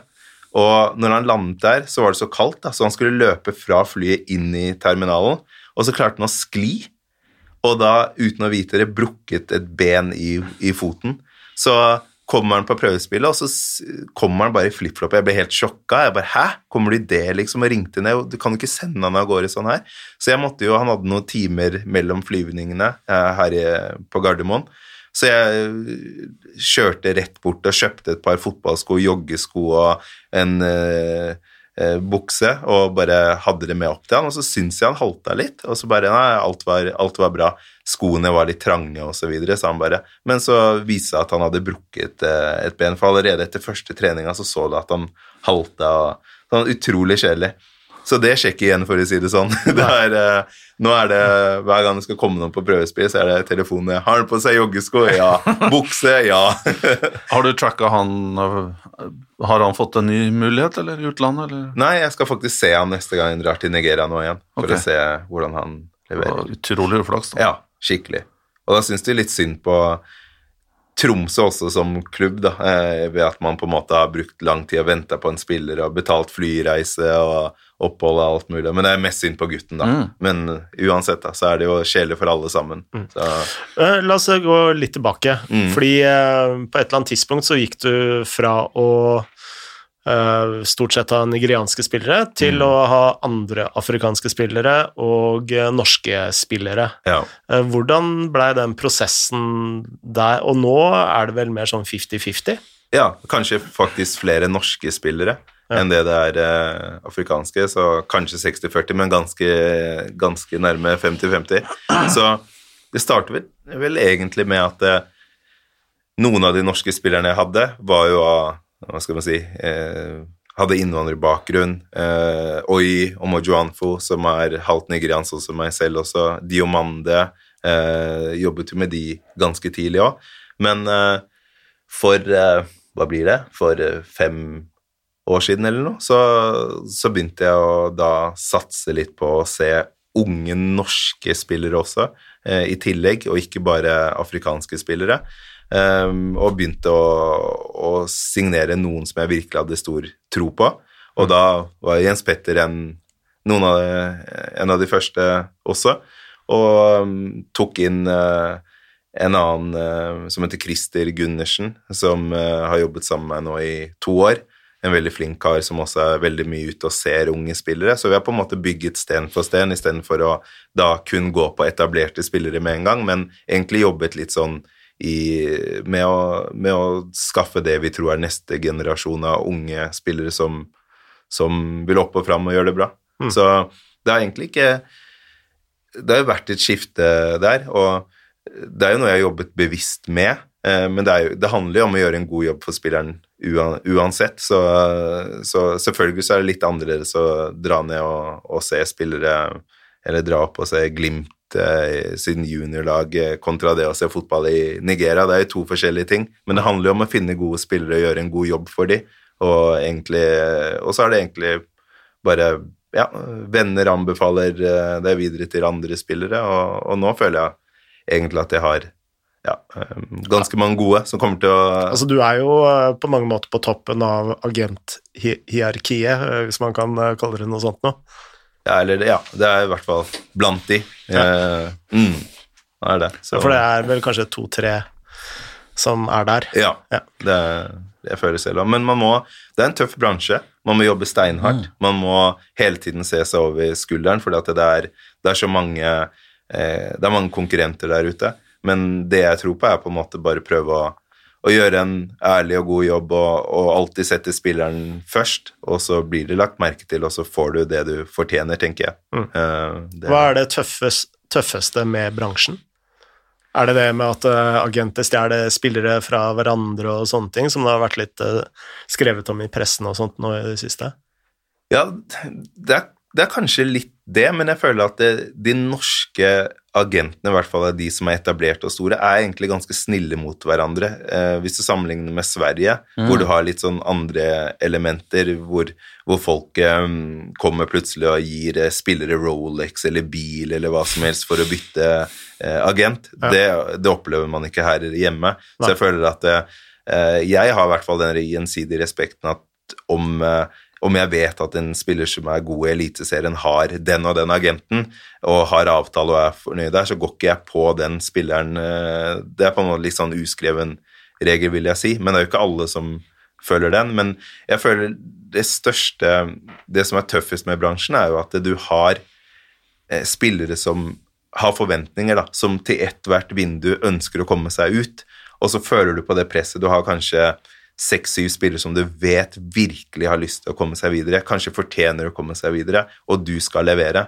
Så um, for meg så føler jeg mer på presset fra spillerne kontra eh, konkurranse og den biten der. Det, for det er jo ikke du som bestemmer om en overgang skal skje eller ikke. Altså, du er jo avhengig av uh, en tredjepart uh, i en uh, klubb, så det er jo ikke ja. Altså, du kan jo ha jobba beinhardt med én spiller som ikke har resultert i noe, mm. og så kan, det jo hende at du ikke har jobba noen ting med spiller nummer to, og så ja. ender han opp i Milan. Mm. Uh, ikke at du ikke har gjort det, men uh, som, ja. som, et tenkt eksempel. Mm.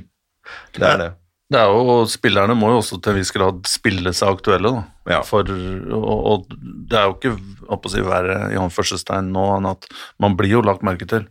Hvis du er en hvis, hvis, du er en eh, og Det spiller ikke noen rolle om du er på Sandefjord, eller om du er på Bodø-Glimt, eller om du er på Strømsgodset. Hvis du sånn, mm. er relativt ung og spiller bra i norsk fotball, så, så ser, ser, klubber i utlandet her. Men du kan liksom ikke legge det på at nå må du finne meg en klubb. Jeg får ikke spille her i jeg får ikke spille i Mjøndalen nå, mm. så nå må jeg til Holland eller Belgia. Mm. Men det er vel veldig mange spillere som faktisk gjør det. Ja. At uh, de bytter agent han, han, fikk ikke noe til i dette mm. vinduet her, og så ja. uh, Og uh, hvis du tar Jens Petter Hauge, da, så mm. er jo altså, Selv om det og den overgangen kanskje bare tok en uke eller to, mm. så har du jo jobba med han i tre år, ikke sant? Og, Virkelig. Og det, det, dere er helt rett. og du ser jo det når spillere virkelig gjør det bra, sånn som når Ejuke dro ut og Jens Petter Hauge dro ut, så er det ikke én eller to klubber på. Da snakker du ti klubber pluss som er på. Mm. Så gjør du det bra i norsk fotball, så vil du bli lagt merke til. Mm. Og, og det, er, det, er, litt sånn da, da slipper du å være der ute hele tiden om å pushe den spilleren på alle mulige klubber. Og du vil jo at klubbene på en måte ser det talentet selv, selv om du legger jo til rette. Jeg snakker jo med klubber, får de til å komme og se på, men du har helt rett, det er ikke noe sånn, mag, sånn magisk eh, gullstøv man, man, sprinkler over, og så bare sier dem ja, vi, vi tar han spilleren.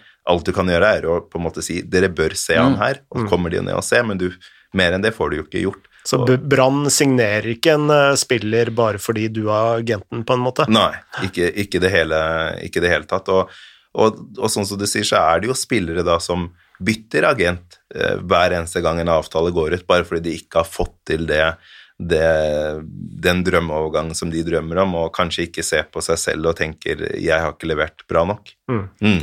Hvordan, uh, Før vi går over til noen spørsmål, er det spørsmål der, er det ikke det, Frode? Jo. Hvis du har tid. Men jeg bare ta Er du Rapper du eh, han lillebroren til Jens Petter òg, eller? Ja. Runar. Ja, mm. Hva har du å si om han? Er han uh, Ja, sp. Han er 01, stemmer det? 02? 01? 01, eh, 02 to. Nå, ja. to. Han, ja. Og han, han, var litt Grorud på lån, ja. så jeg. Ja. Han var det.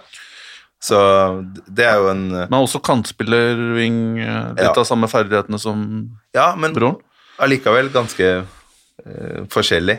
Så mm -hmm. Runar er jo en spiller som uh, kan løpe gjennom en vegg og ekstremt uh, treningsprodukt og, og um, har veldig mye spennende ved seg. Men Jens Petter har på en måte alltid hatt det talentet, og har eh, siste årene på en måte eh, tatt i skikkelig da, og skjønt hva som skal til for ja. å virkelig nå toppen, da, men alltid hatt det talentet.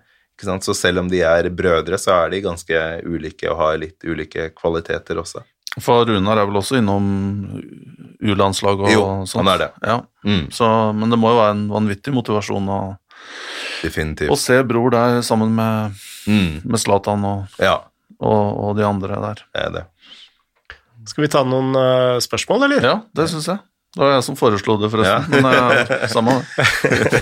Alle gode forslag i den podkasten er fra deg, Tor Christian. Nei, det er vel å ta i. Jeg, jeg vil egentlig bare arrestere deg på én ting, TK. Uff. Eh, For du nevnte at du ikke hadde troa på Juke i starten. Ja. Ja, altså jeg er ganske sikker på at eh, jeg, du og vår felles venn Jørgen så debuten til eh, Juke på eh, Intility Arena, hvor han kom ut med drakt nummer 44 eller 40, tror jeg, eh, med strømpene nedpå ganske langt nede. Og jeg sa at eh, han spilleren her blir det ikke noe av, og du sa at du mente at han hadde noe ved seg. Å, ja, ja. Ja. Eh, jeg, skal, jeg kan jo også legge til at uh, noe av det samme sa jo Morten Berre når han debuterte for uh, Vålinga. Og Sander Berge. Og Sander Berge. Vi har alle gått på den blemmen der. Eh, ja, altså, jeg så Vålerenga 2 mot Kjelsås, og så satt jeg og tenkte på eh, Sander Berge er jo ikke noe, noe særlig, men Simen Samsted Møller, det er spiller. Han landa på beina, Simen, nå, da. Han gjorde det. Og uh, fantastisk fyr. Men vi har fått et uh, spørsmål fra Andreas uh, Saipa, Saipajarvi. Mhm. Jeg tror jeg uttalte det navnet riktig. Eh, og han lurer på hva er den mest spektakulære overgangen du har vært med på, og hvorfor? Og hvor mye skuespill som good cop, bad cop uh, à la Rismo Wilhelmsen med tanke på Rune Langes overgang til Trabzonspor er eh, vanlige overgangssaker? Her var det egentlig mange spørsmål i ett. Ja. Du, Du har vært litt inne på de spektakulære, da. Ja, det må si Igalo egentlig, da, hvor du da Han sitter eh, i Shanghai Shenhua i Kina og alltid drømt om å spille i Manchester United. For det har Eh, vært favorittklubben hans. Favorittklubben hans, og alltid sagt at det er drømmen hans.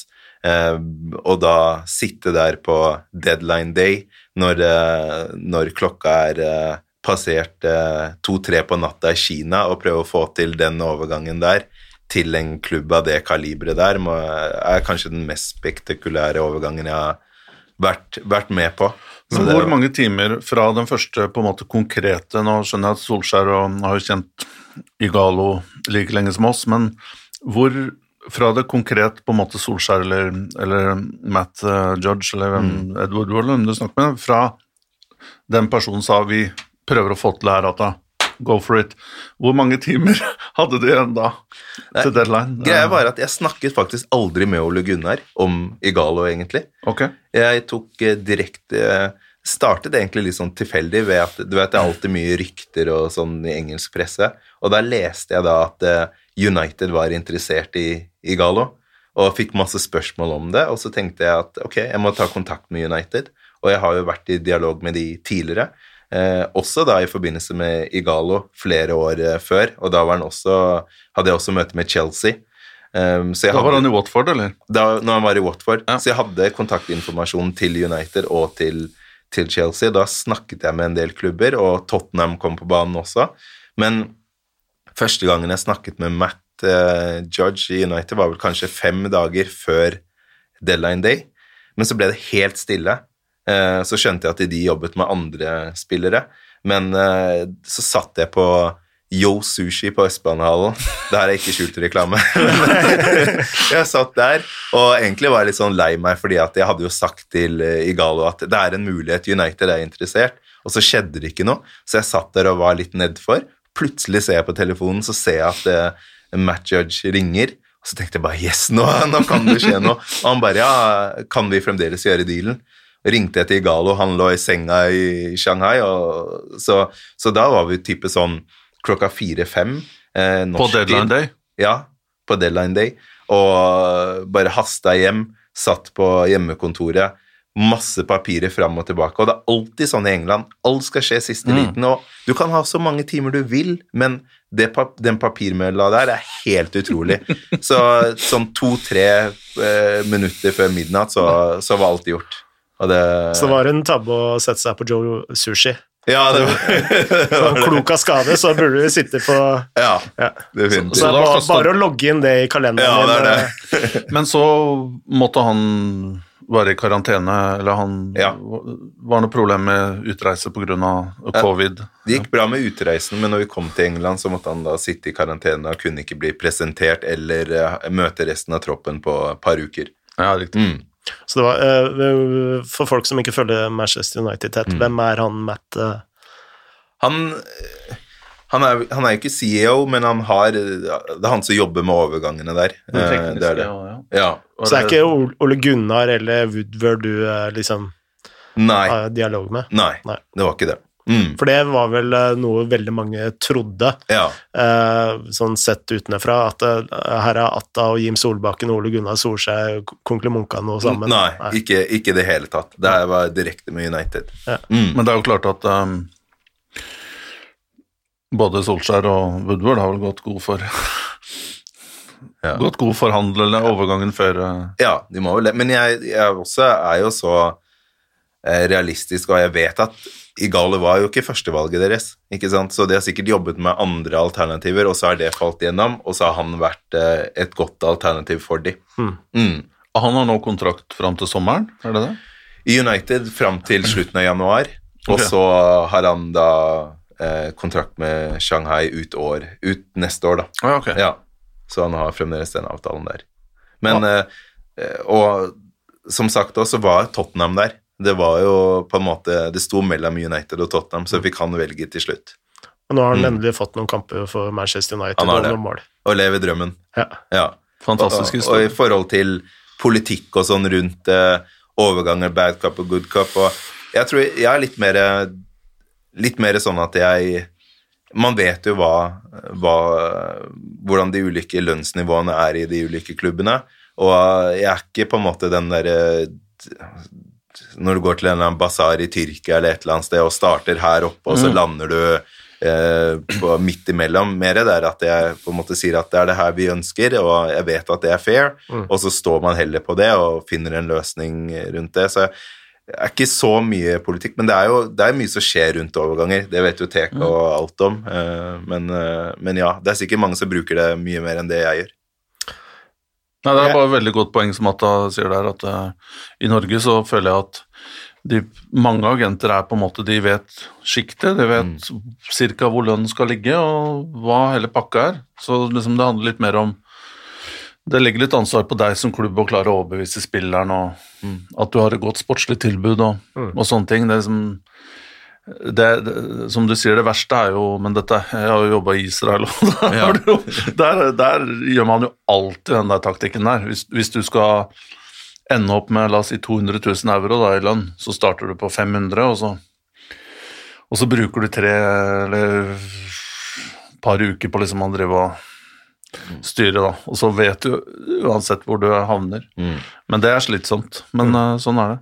Men det er jo en fantastisk reise. Jeg husker jeg så Igallo spille for Grenada mot Barcelona 2 i 2009 eller 2010, tror jeg. Uh, og det er lang vei derfra til, uh, til eh, Premier League. Definitivt. Var du med på den der Igalo-gate til Brann?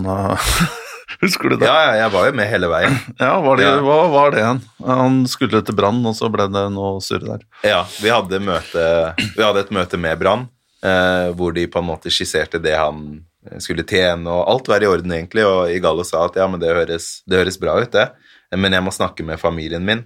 Og når vi da går ut av det møtet, så kommer jo Udinese på banen og ville ha ham. og da, når du snakker med familien din da, så ville de selvfølgelig at du skal gå til Udinese. Så det var det som skjedde da, men den blir jo dratt opp veldig ofte. Ja, for jeg husker at eh, det som jeg stussa over, da, og jeg tror jeg skrev en sak om òg, og var litt tøff i, i, i trynet. Dette er jo Var det 2009 eller noe sånt, kanskje? Åtte, altså Ja, sju? han 2009 eh, to, 2009, ja. Ja. Mm. Og han, eh, men jeg husker Brann gikk så hardt ut mot han, Mm. fordi de trodde jo at det var i boks. Men, og, og, men det er jo klart at jeg tror poenget mitt var at ja, men ok, hvis han har gått til, gått til Vålerenga eller Molde, så hadde jeg skjønt at dette er liksom betent, men han optionet var Udinese Ja. i Serie A, og da på en måte eksisterer ikke den derre dilemmaet om Med all respekt, eh, vi har mange hyggelige bergensere som lytter på, men det er, som, det er ikke det temaet lenger, da. Men sånn er det jo med klubber også. Jeg opplever veldig ofte at eh, de vil ha en av spillerne mine i den og den posisjonen, og så plutselig så bare Sorry, eh, vi gikk for en annen spiller. Det skjer jo hele, hele tida, så det går jo begge veier, egentlig. Ja, ja. Og han hadde jo ikke skrevet under på noe som helst, og hadde også sagt det at, med forbehold om at han skulle snakke med familien sin. Ja. Mm. Vi har et nytt eh, spørsmål fra Øyvind Hovland, og han lurer på er det noe i norsk spillerutvikling han skulle ønske det jobbes mer med. Hva er det mest interessante for klubber og agenter? Jeg tror det jeg skulle ønske veldig ofte, er at den spillertypen som ikke er helt A4, og kanskje ikke helt har de derre um, Vil ikke si at man skal komme unna med dårlige holdninger, men alle er jo ikke like. Og mange har litt sånn Du er veldig forskjellig om du har vokst opp på Vestlandet eller om du har vokst opp på Holmlia osv. også. At man har mer rom for å se ulikheter og heller eh, tenke på det som en positiv greie å jobbe med, da, kontra enn å bare legge alle i en bås, at du skal passe inn her og der, eh, ellers så er du ikke seriøs. Det, det er det jeg på en måte skulle ønske at det var mer rom for akkurat det i, i norsk fotball. Vi har mange eksempler. Tokmak, Pellegrino, en del andre spillere som veldig tidlig i karrieren fikk kanskje et stempel på seg, som etter hvert nå eh, har blitt blitt fantastiske spillere og levert på et veldig høyt nivå, som kanskje ikke var eh, ble satset på, men heller bare fikk et sånt stempel på at de var sånn og sånn. eh, Og for Pellegrino, han fikk jo stempel for at eh, punkt én, han eh, var for tynn. mm, Han veide vel ikke 60 kilo engang når han var 20 år. mm, Eh, og han sleit med temperamentet sitt. Mm. Uh, det som ikke blei sagt, var jo at uh, Og dette er jo faktisk et mye større problem utenfor Oslo enn inni Oslo. Mm. Men altså, han var åtte år første gang han ble kalt jævla negerunge. I åttende klasse så sto foreldrene på sidelinja og kalte den 'kom deg hjem til der du kommer fra'.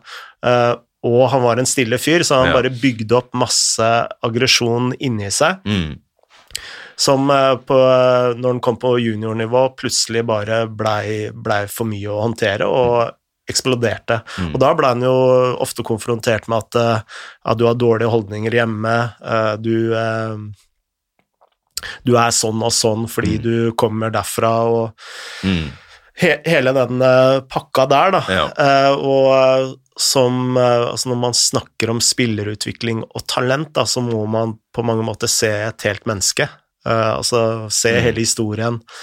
Eh, for sannheten er, eh, selv om du er halvt nigeriansk, så er du jo norsk, Mm. fordi når du kommer til Nigeria og det er jo samme med når mine døtre drar, drar til Brasil, selv om, om de er halvt brasilianske. Mm. Ja. De er norske. Ja, er altså, sånn de klager over varmen og, Mm. og ikke sant, det er alt det. Ja. Så alle som er født i Norge, er norske, Mm. og det eh, er noe av det mest positive med Norge. Da. Det er Mm. sånn, barnehager, skolevesenet er helt overlegent Mm. uh, til å uh, gjøre oss eh, gode folk, eller Ja. gjøre oss til nordmenn. Så det vi snak, begynte å snakke om, alle disse mytene man setter merkelapper på folk at de er Mm. sånn og sånn og sånn. Og så plutselig møter han eh, Morten Tandberg, som Mm. eh, gir han frihet, gir han rom til å være seg selv og dyrker de eh, tingene han er eh, god på, og så blomst, blomster man plutselig. Mm.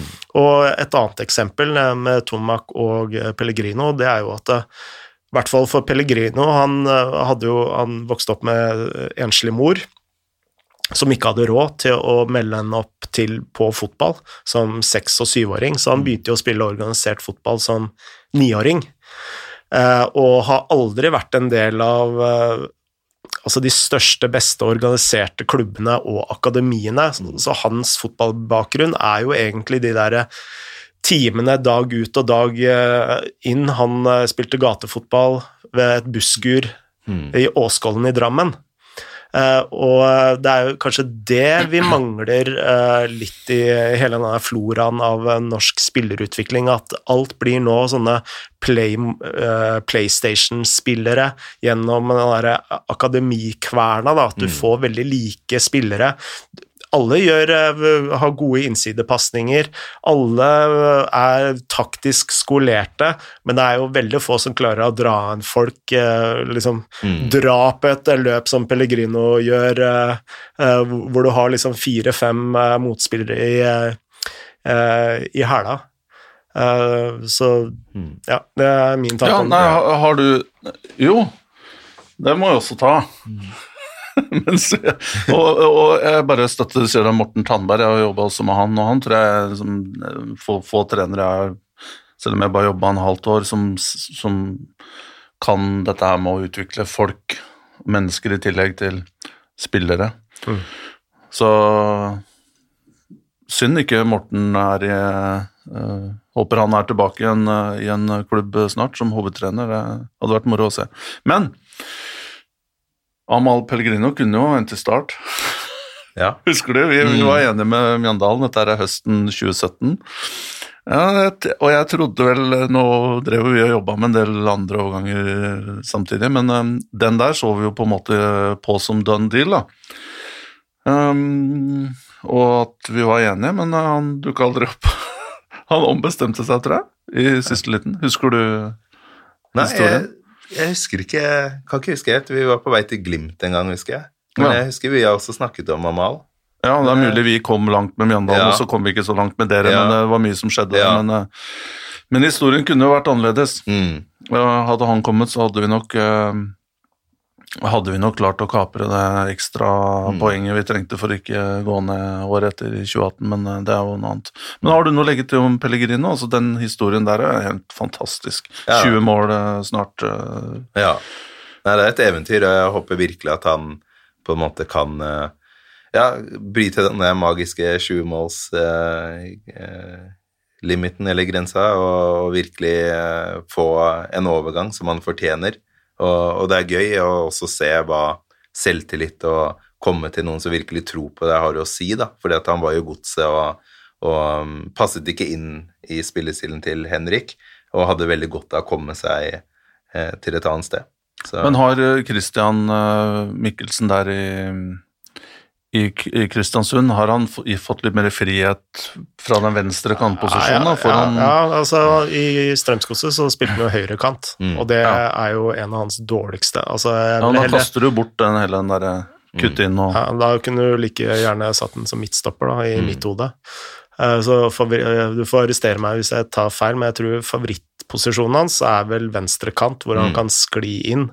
Men eh, jeg syns Ja. han er best som spiss, da. Men, eh, men en ganske sånn fire Nei, fri 4-3-3. Få får lov å drifte litt uh, Ja. ut, til, Mm. ut til kanten der, ja.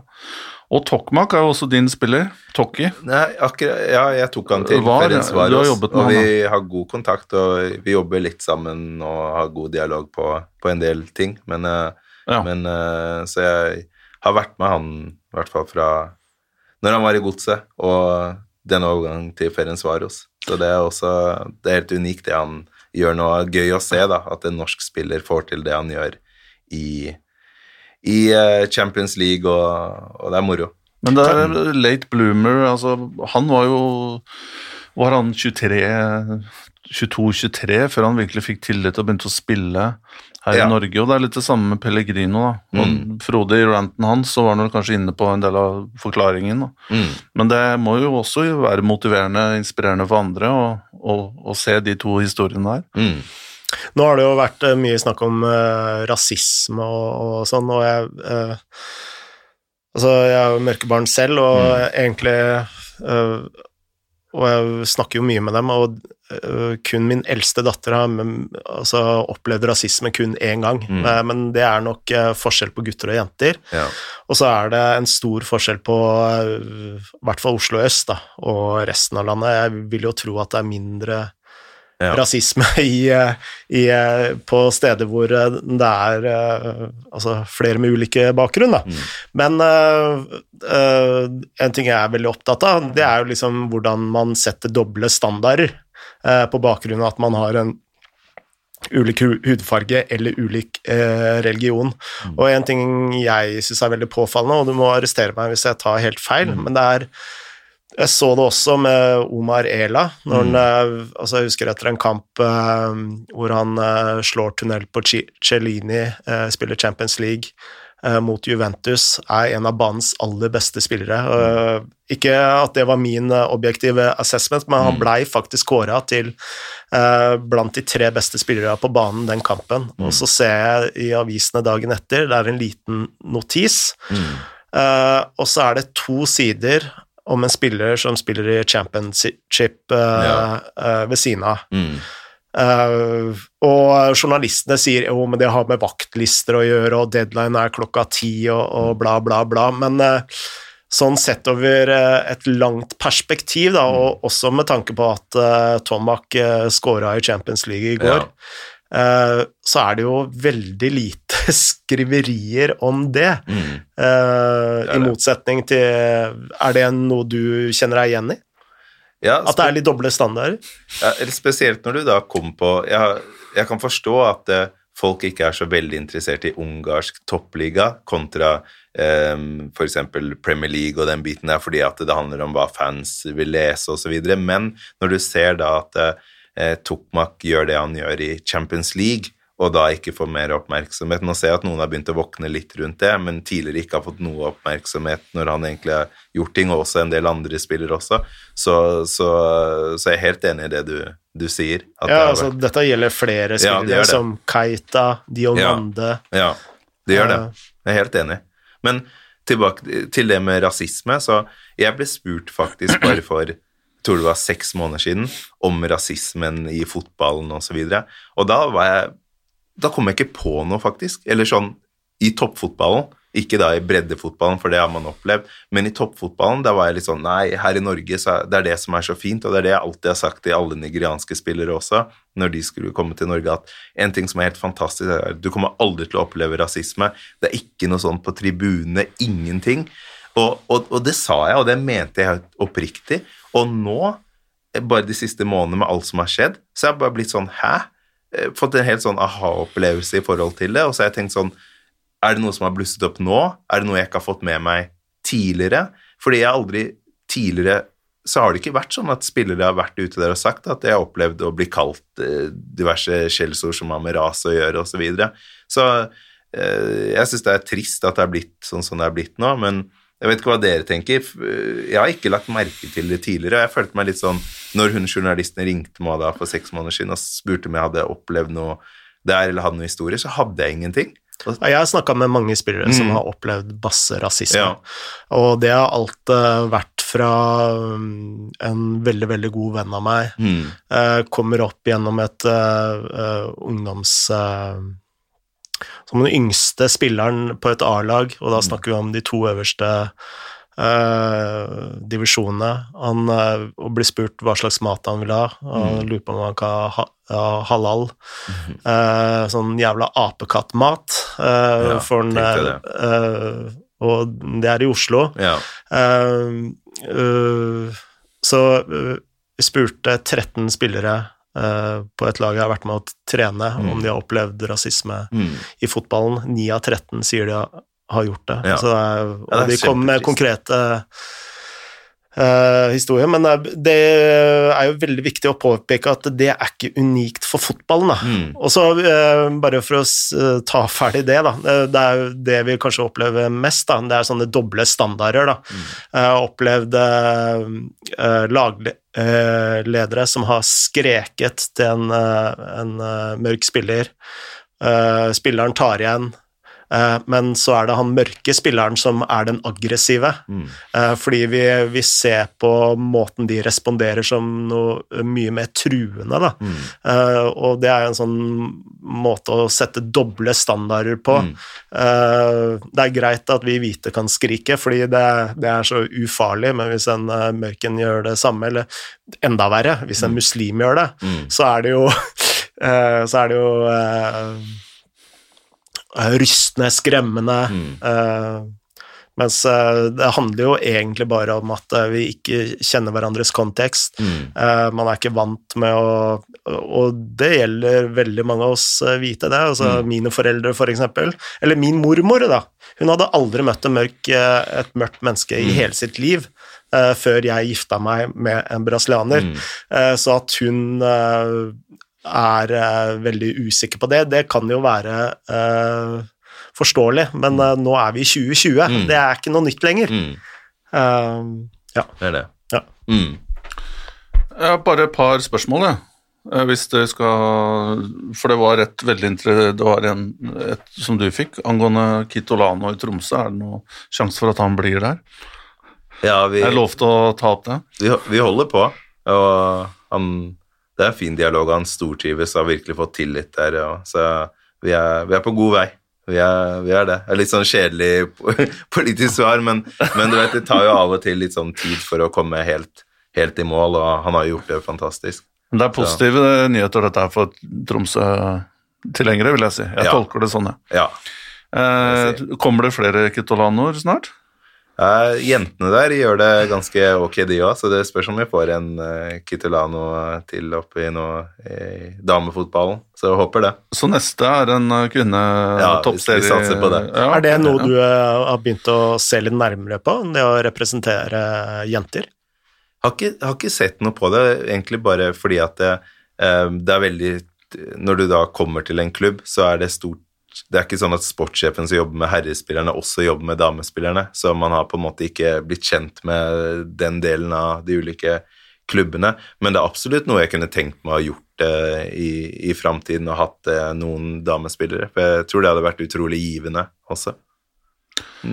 Så var det et spørsmål til som jeg lovte å ta.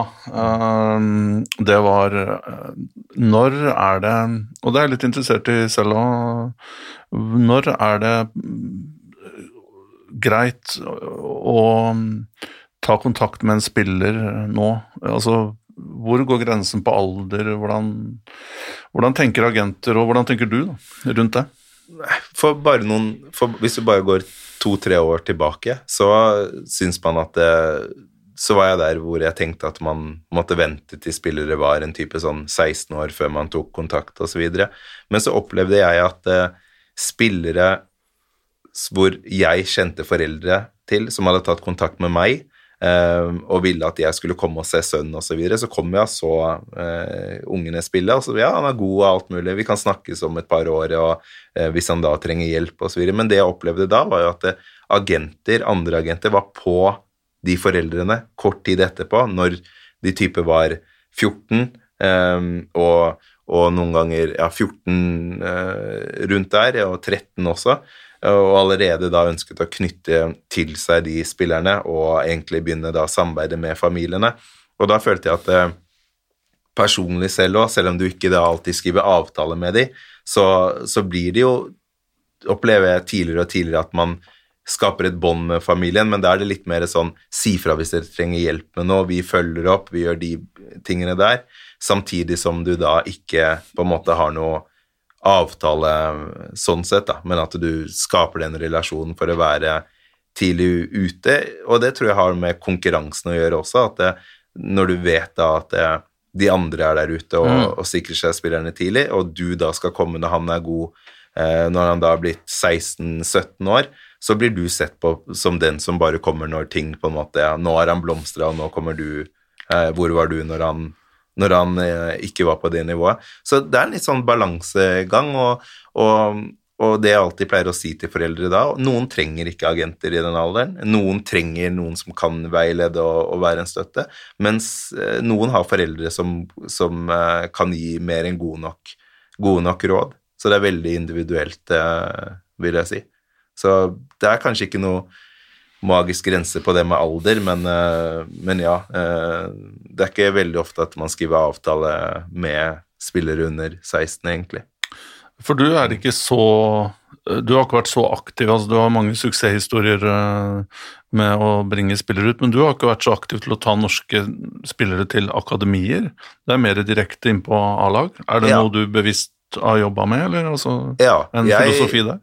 Jeg føler egentlig at eh, veldig ofte så har spillerne veldig godt av å, å gjøre det bra hjemme først, før de tar steget ut. Eh, å sende en 15-16-åring til utlandet er ikke alltid det beste, for det, det, er ikke alle som er klare for det heller. Det ikke, jeg personlig, når jeg var 14-15 år, så hadde jeg aldri klart å bo å reise til utlandet og bo, bo alene.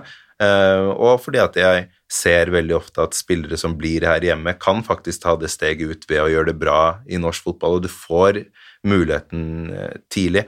Så selvfølgelig så lytter jeg jo til det foreldrene og spillerne selv vil, mens uh, i flesteparten av tilfellene så pleier jeg å anbefale at man heller Eh, klarer å få til eh, eh, Ta det steget her hjemme først, før man da går ut, da. For da kommer man med en annen standing òg. Mm. Jeg tror de driver og banker på døra her. Ja. Vi, er, vi, er, veldig på overtid.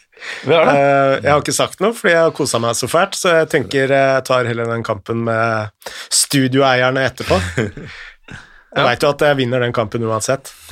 Jeg er helt enig, dette har vært en fornøyelse, Atta, og tusen takk for at du kom. Uh, veldig, veldig givende samtale, syns jeg, og tusen takk til lytterne som eh, holder ut. Ja, det, det er jo lov å sette på pause og så eh, ta, ta opp sendingen opp igjen. Ja, spille den om igjen. Spille den om igjen. Bra. Takk for nå. Takk, takk. Og da sier vi som vi alltid sier her i uh, Shivatse Da Svedanja og tre vodka ned. Moderne media.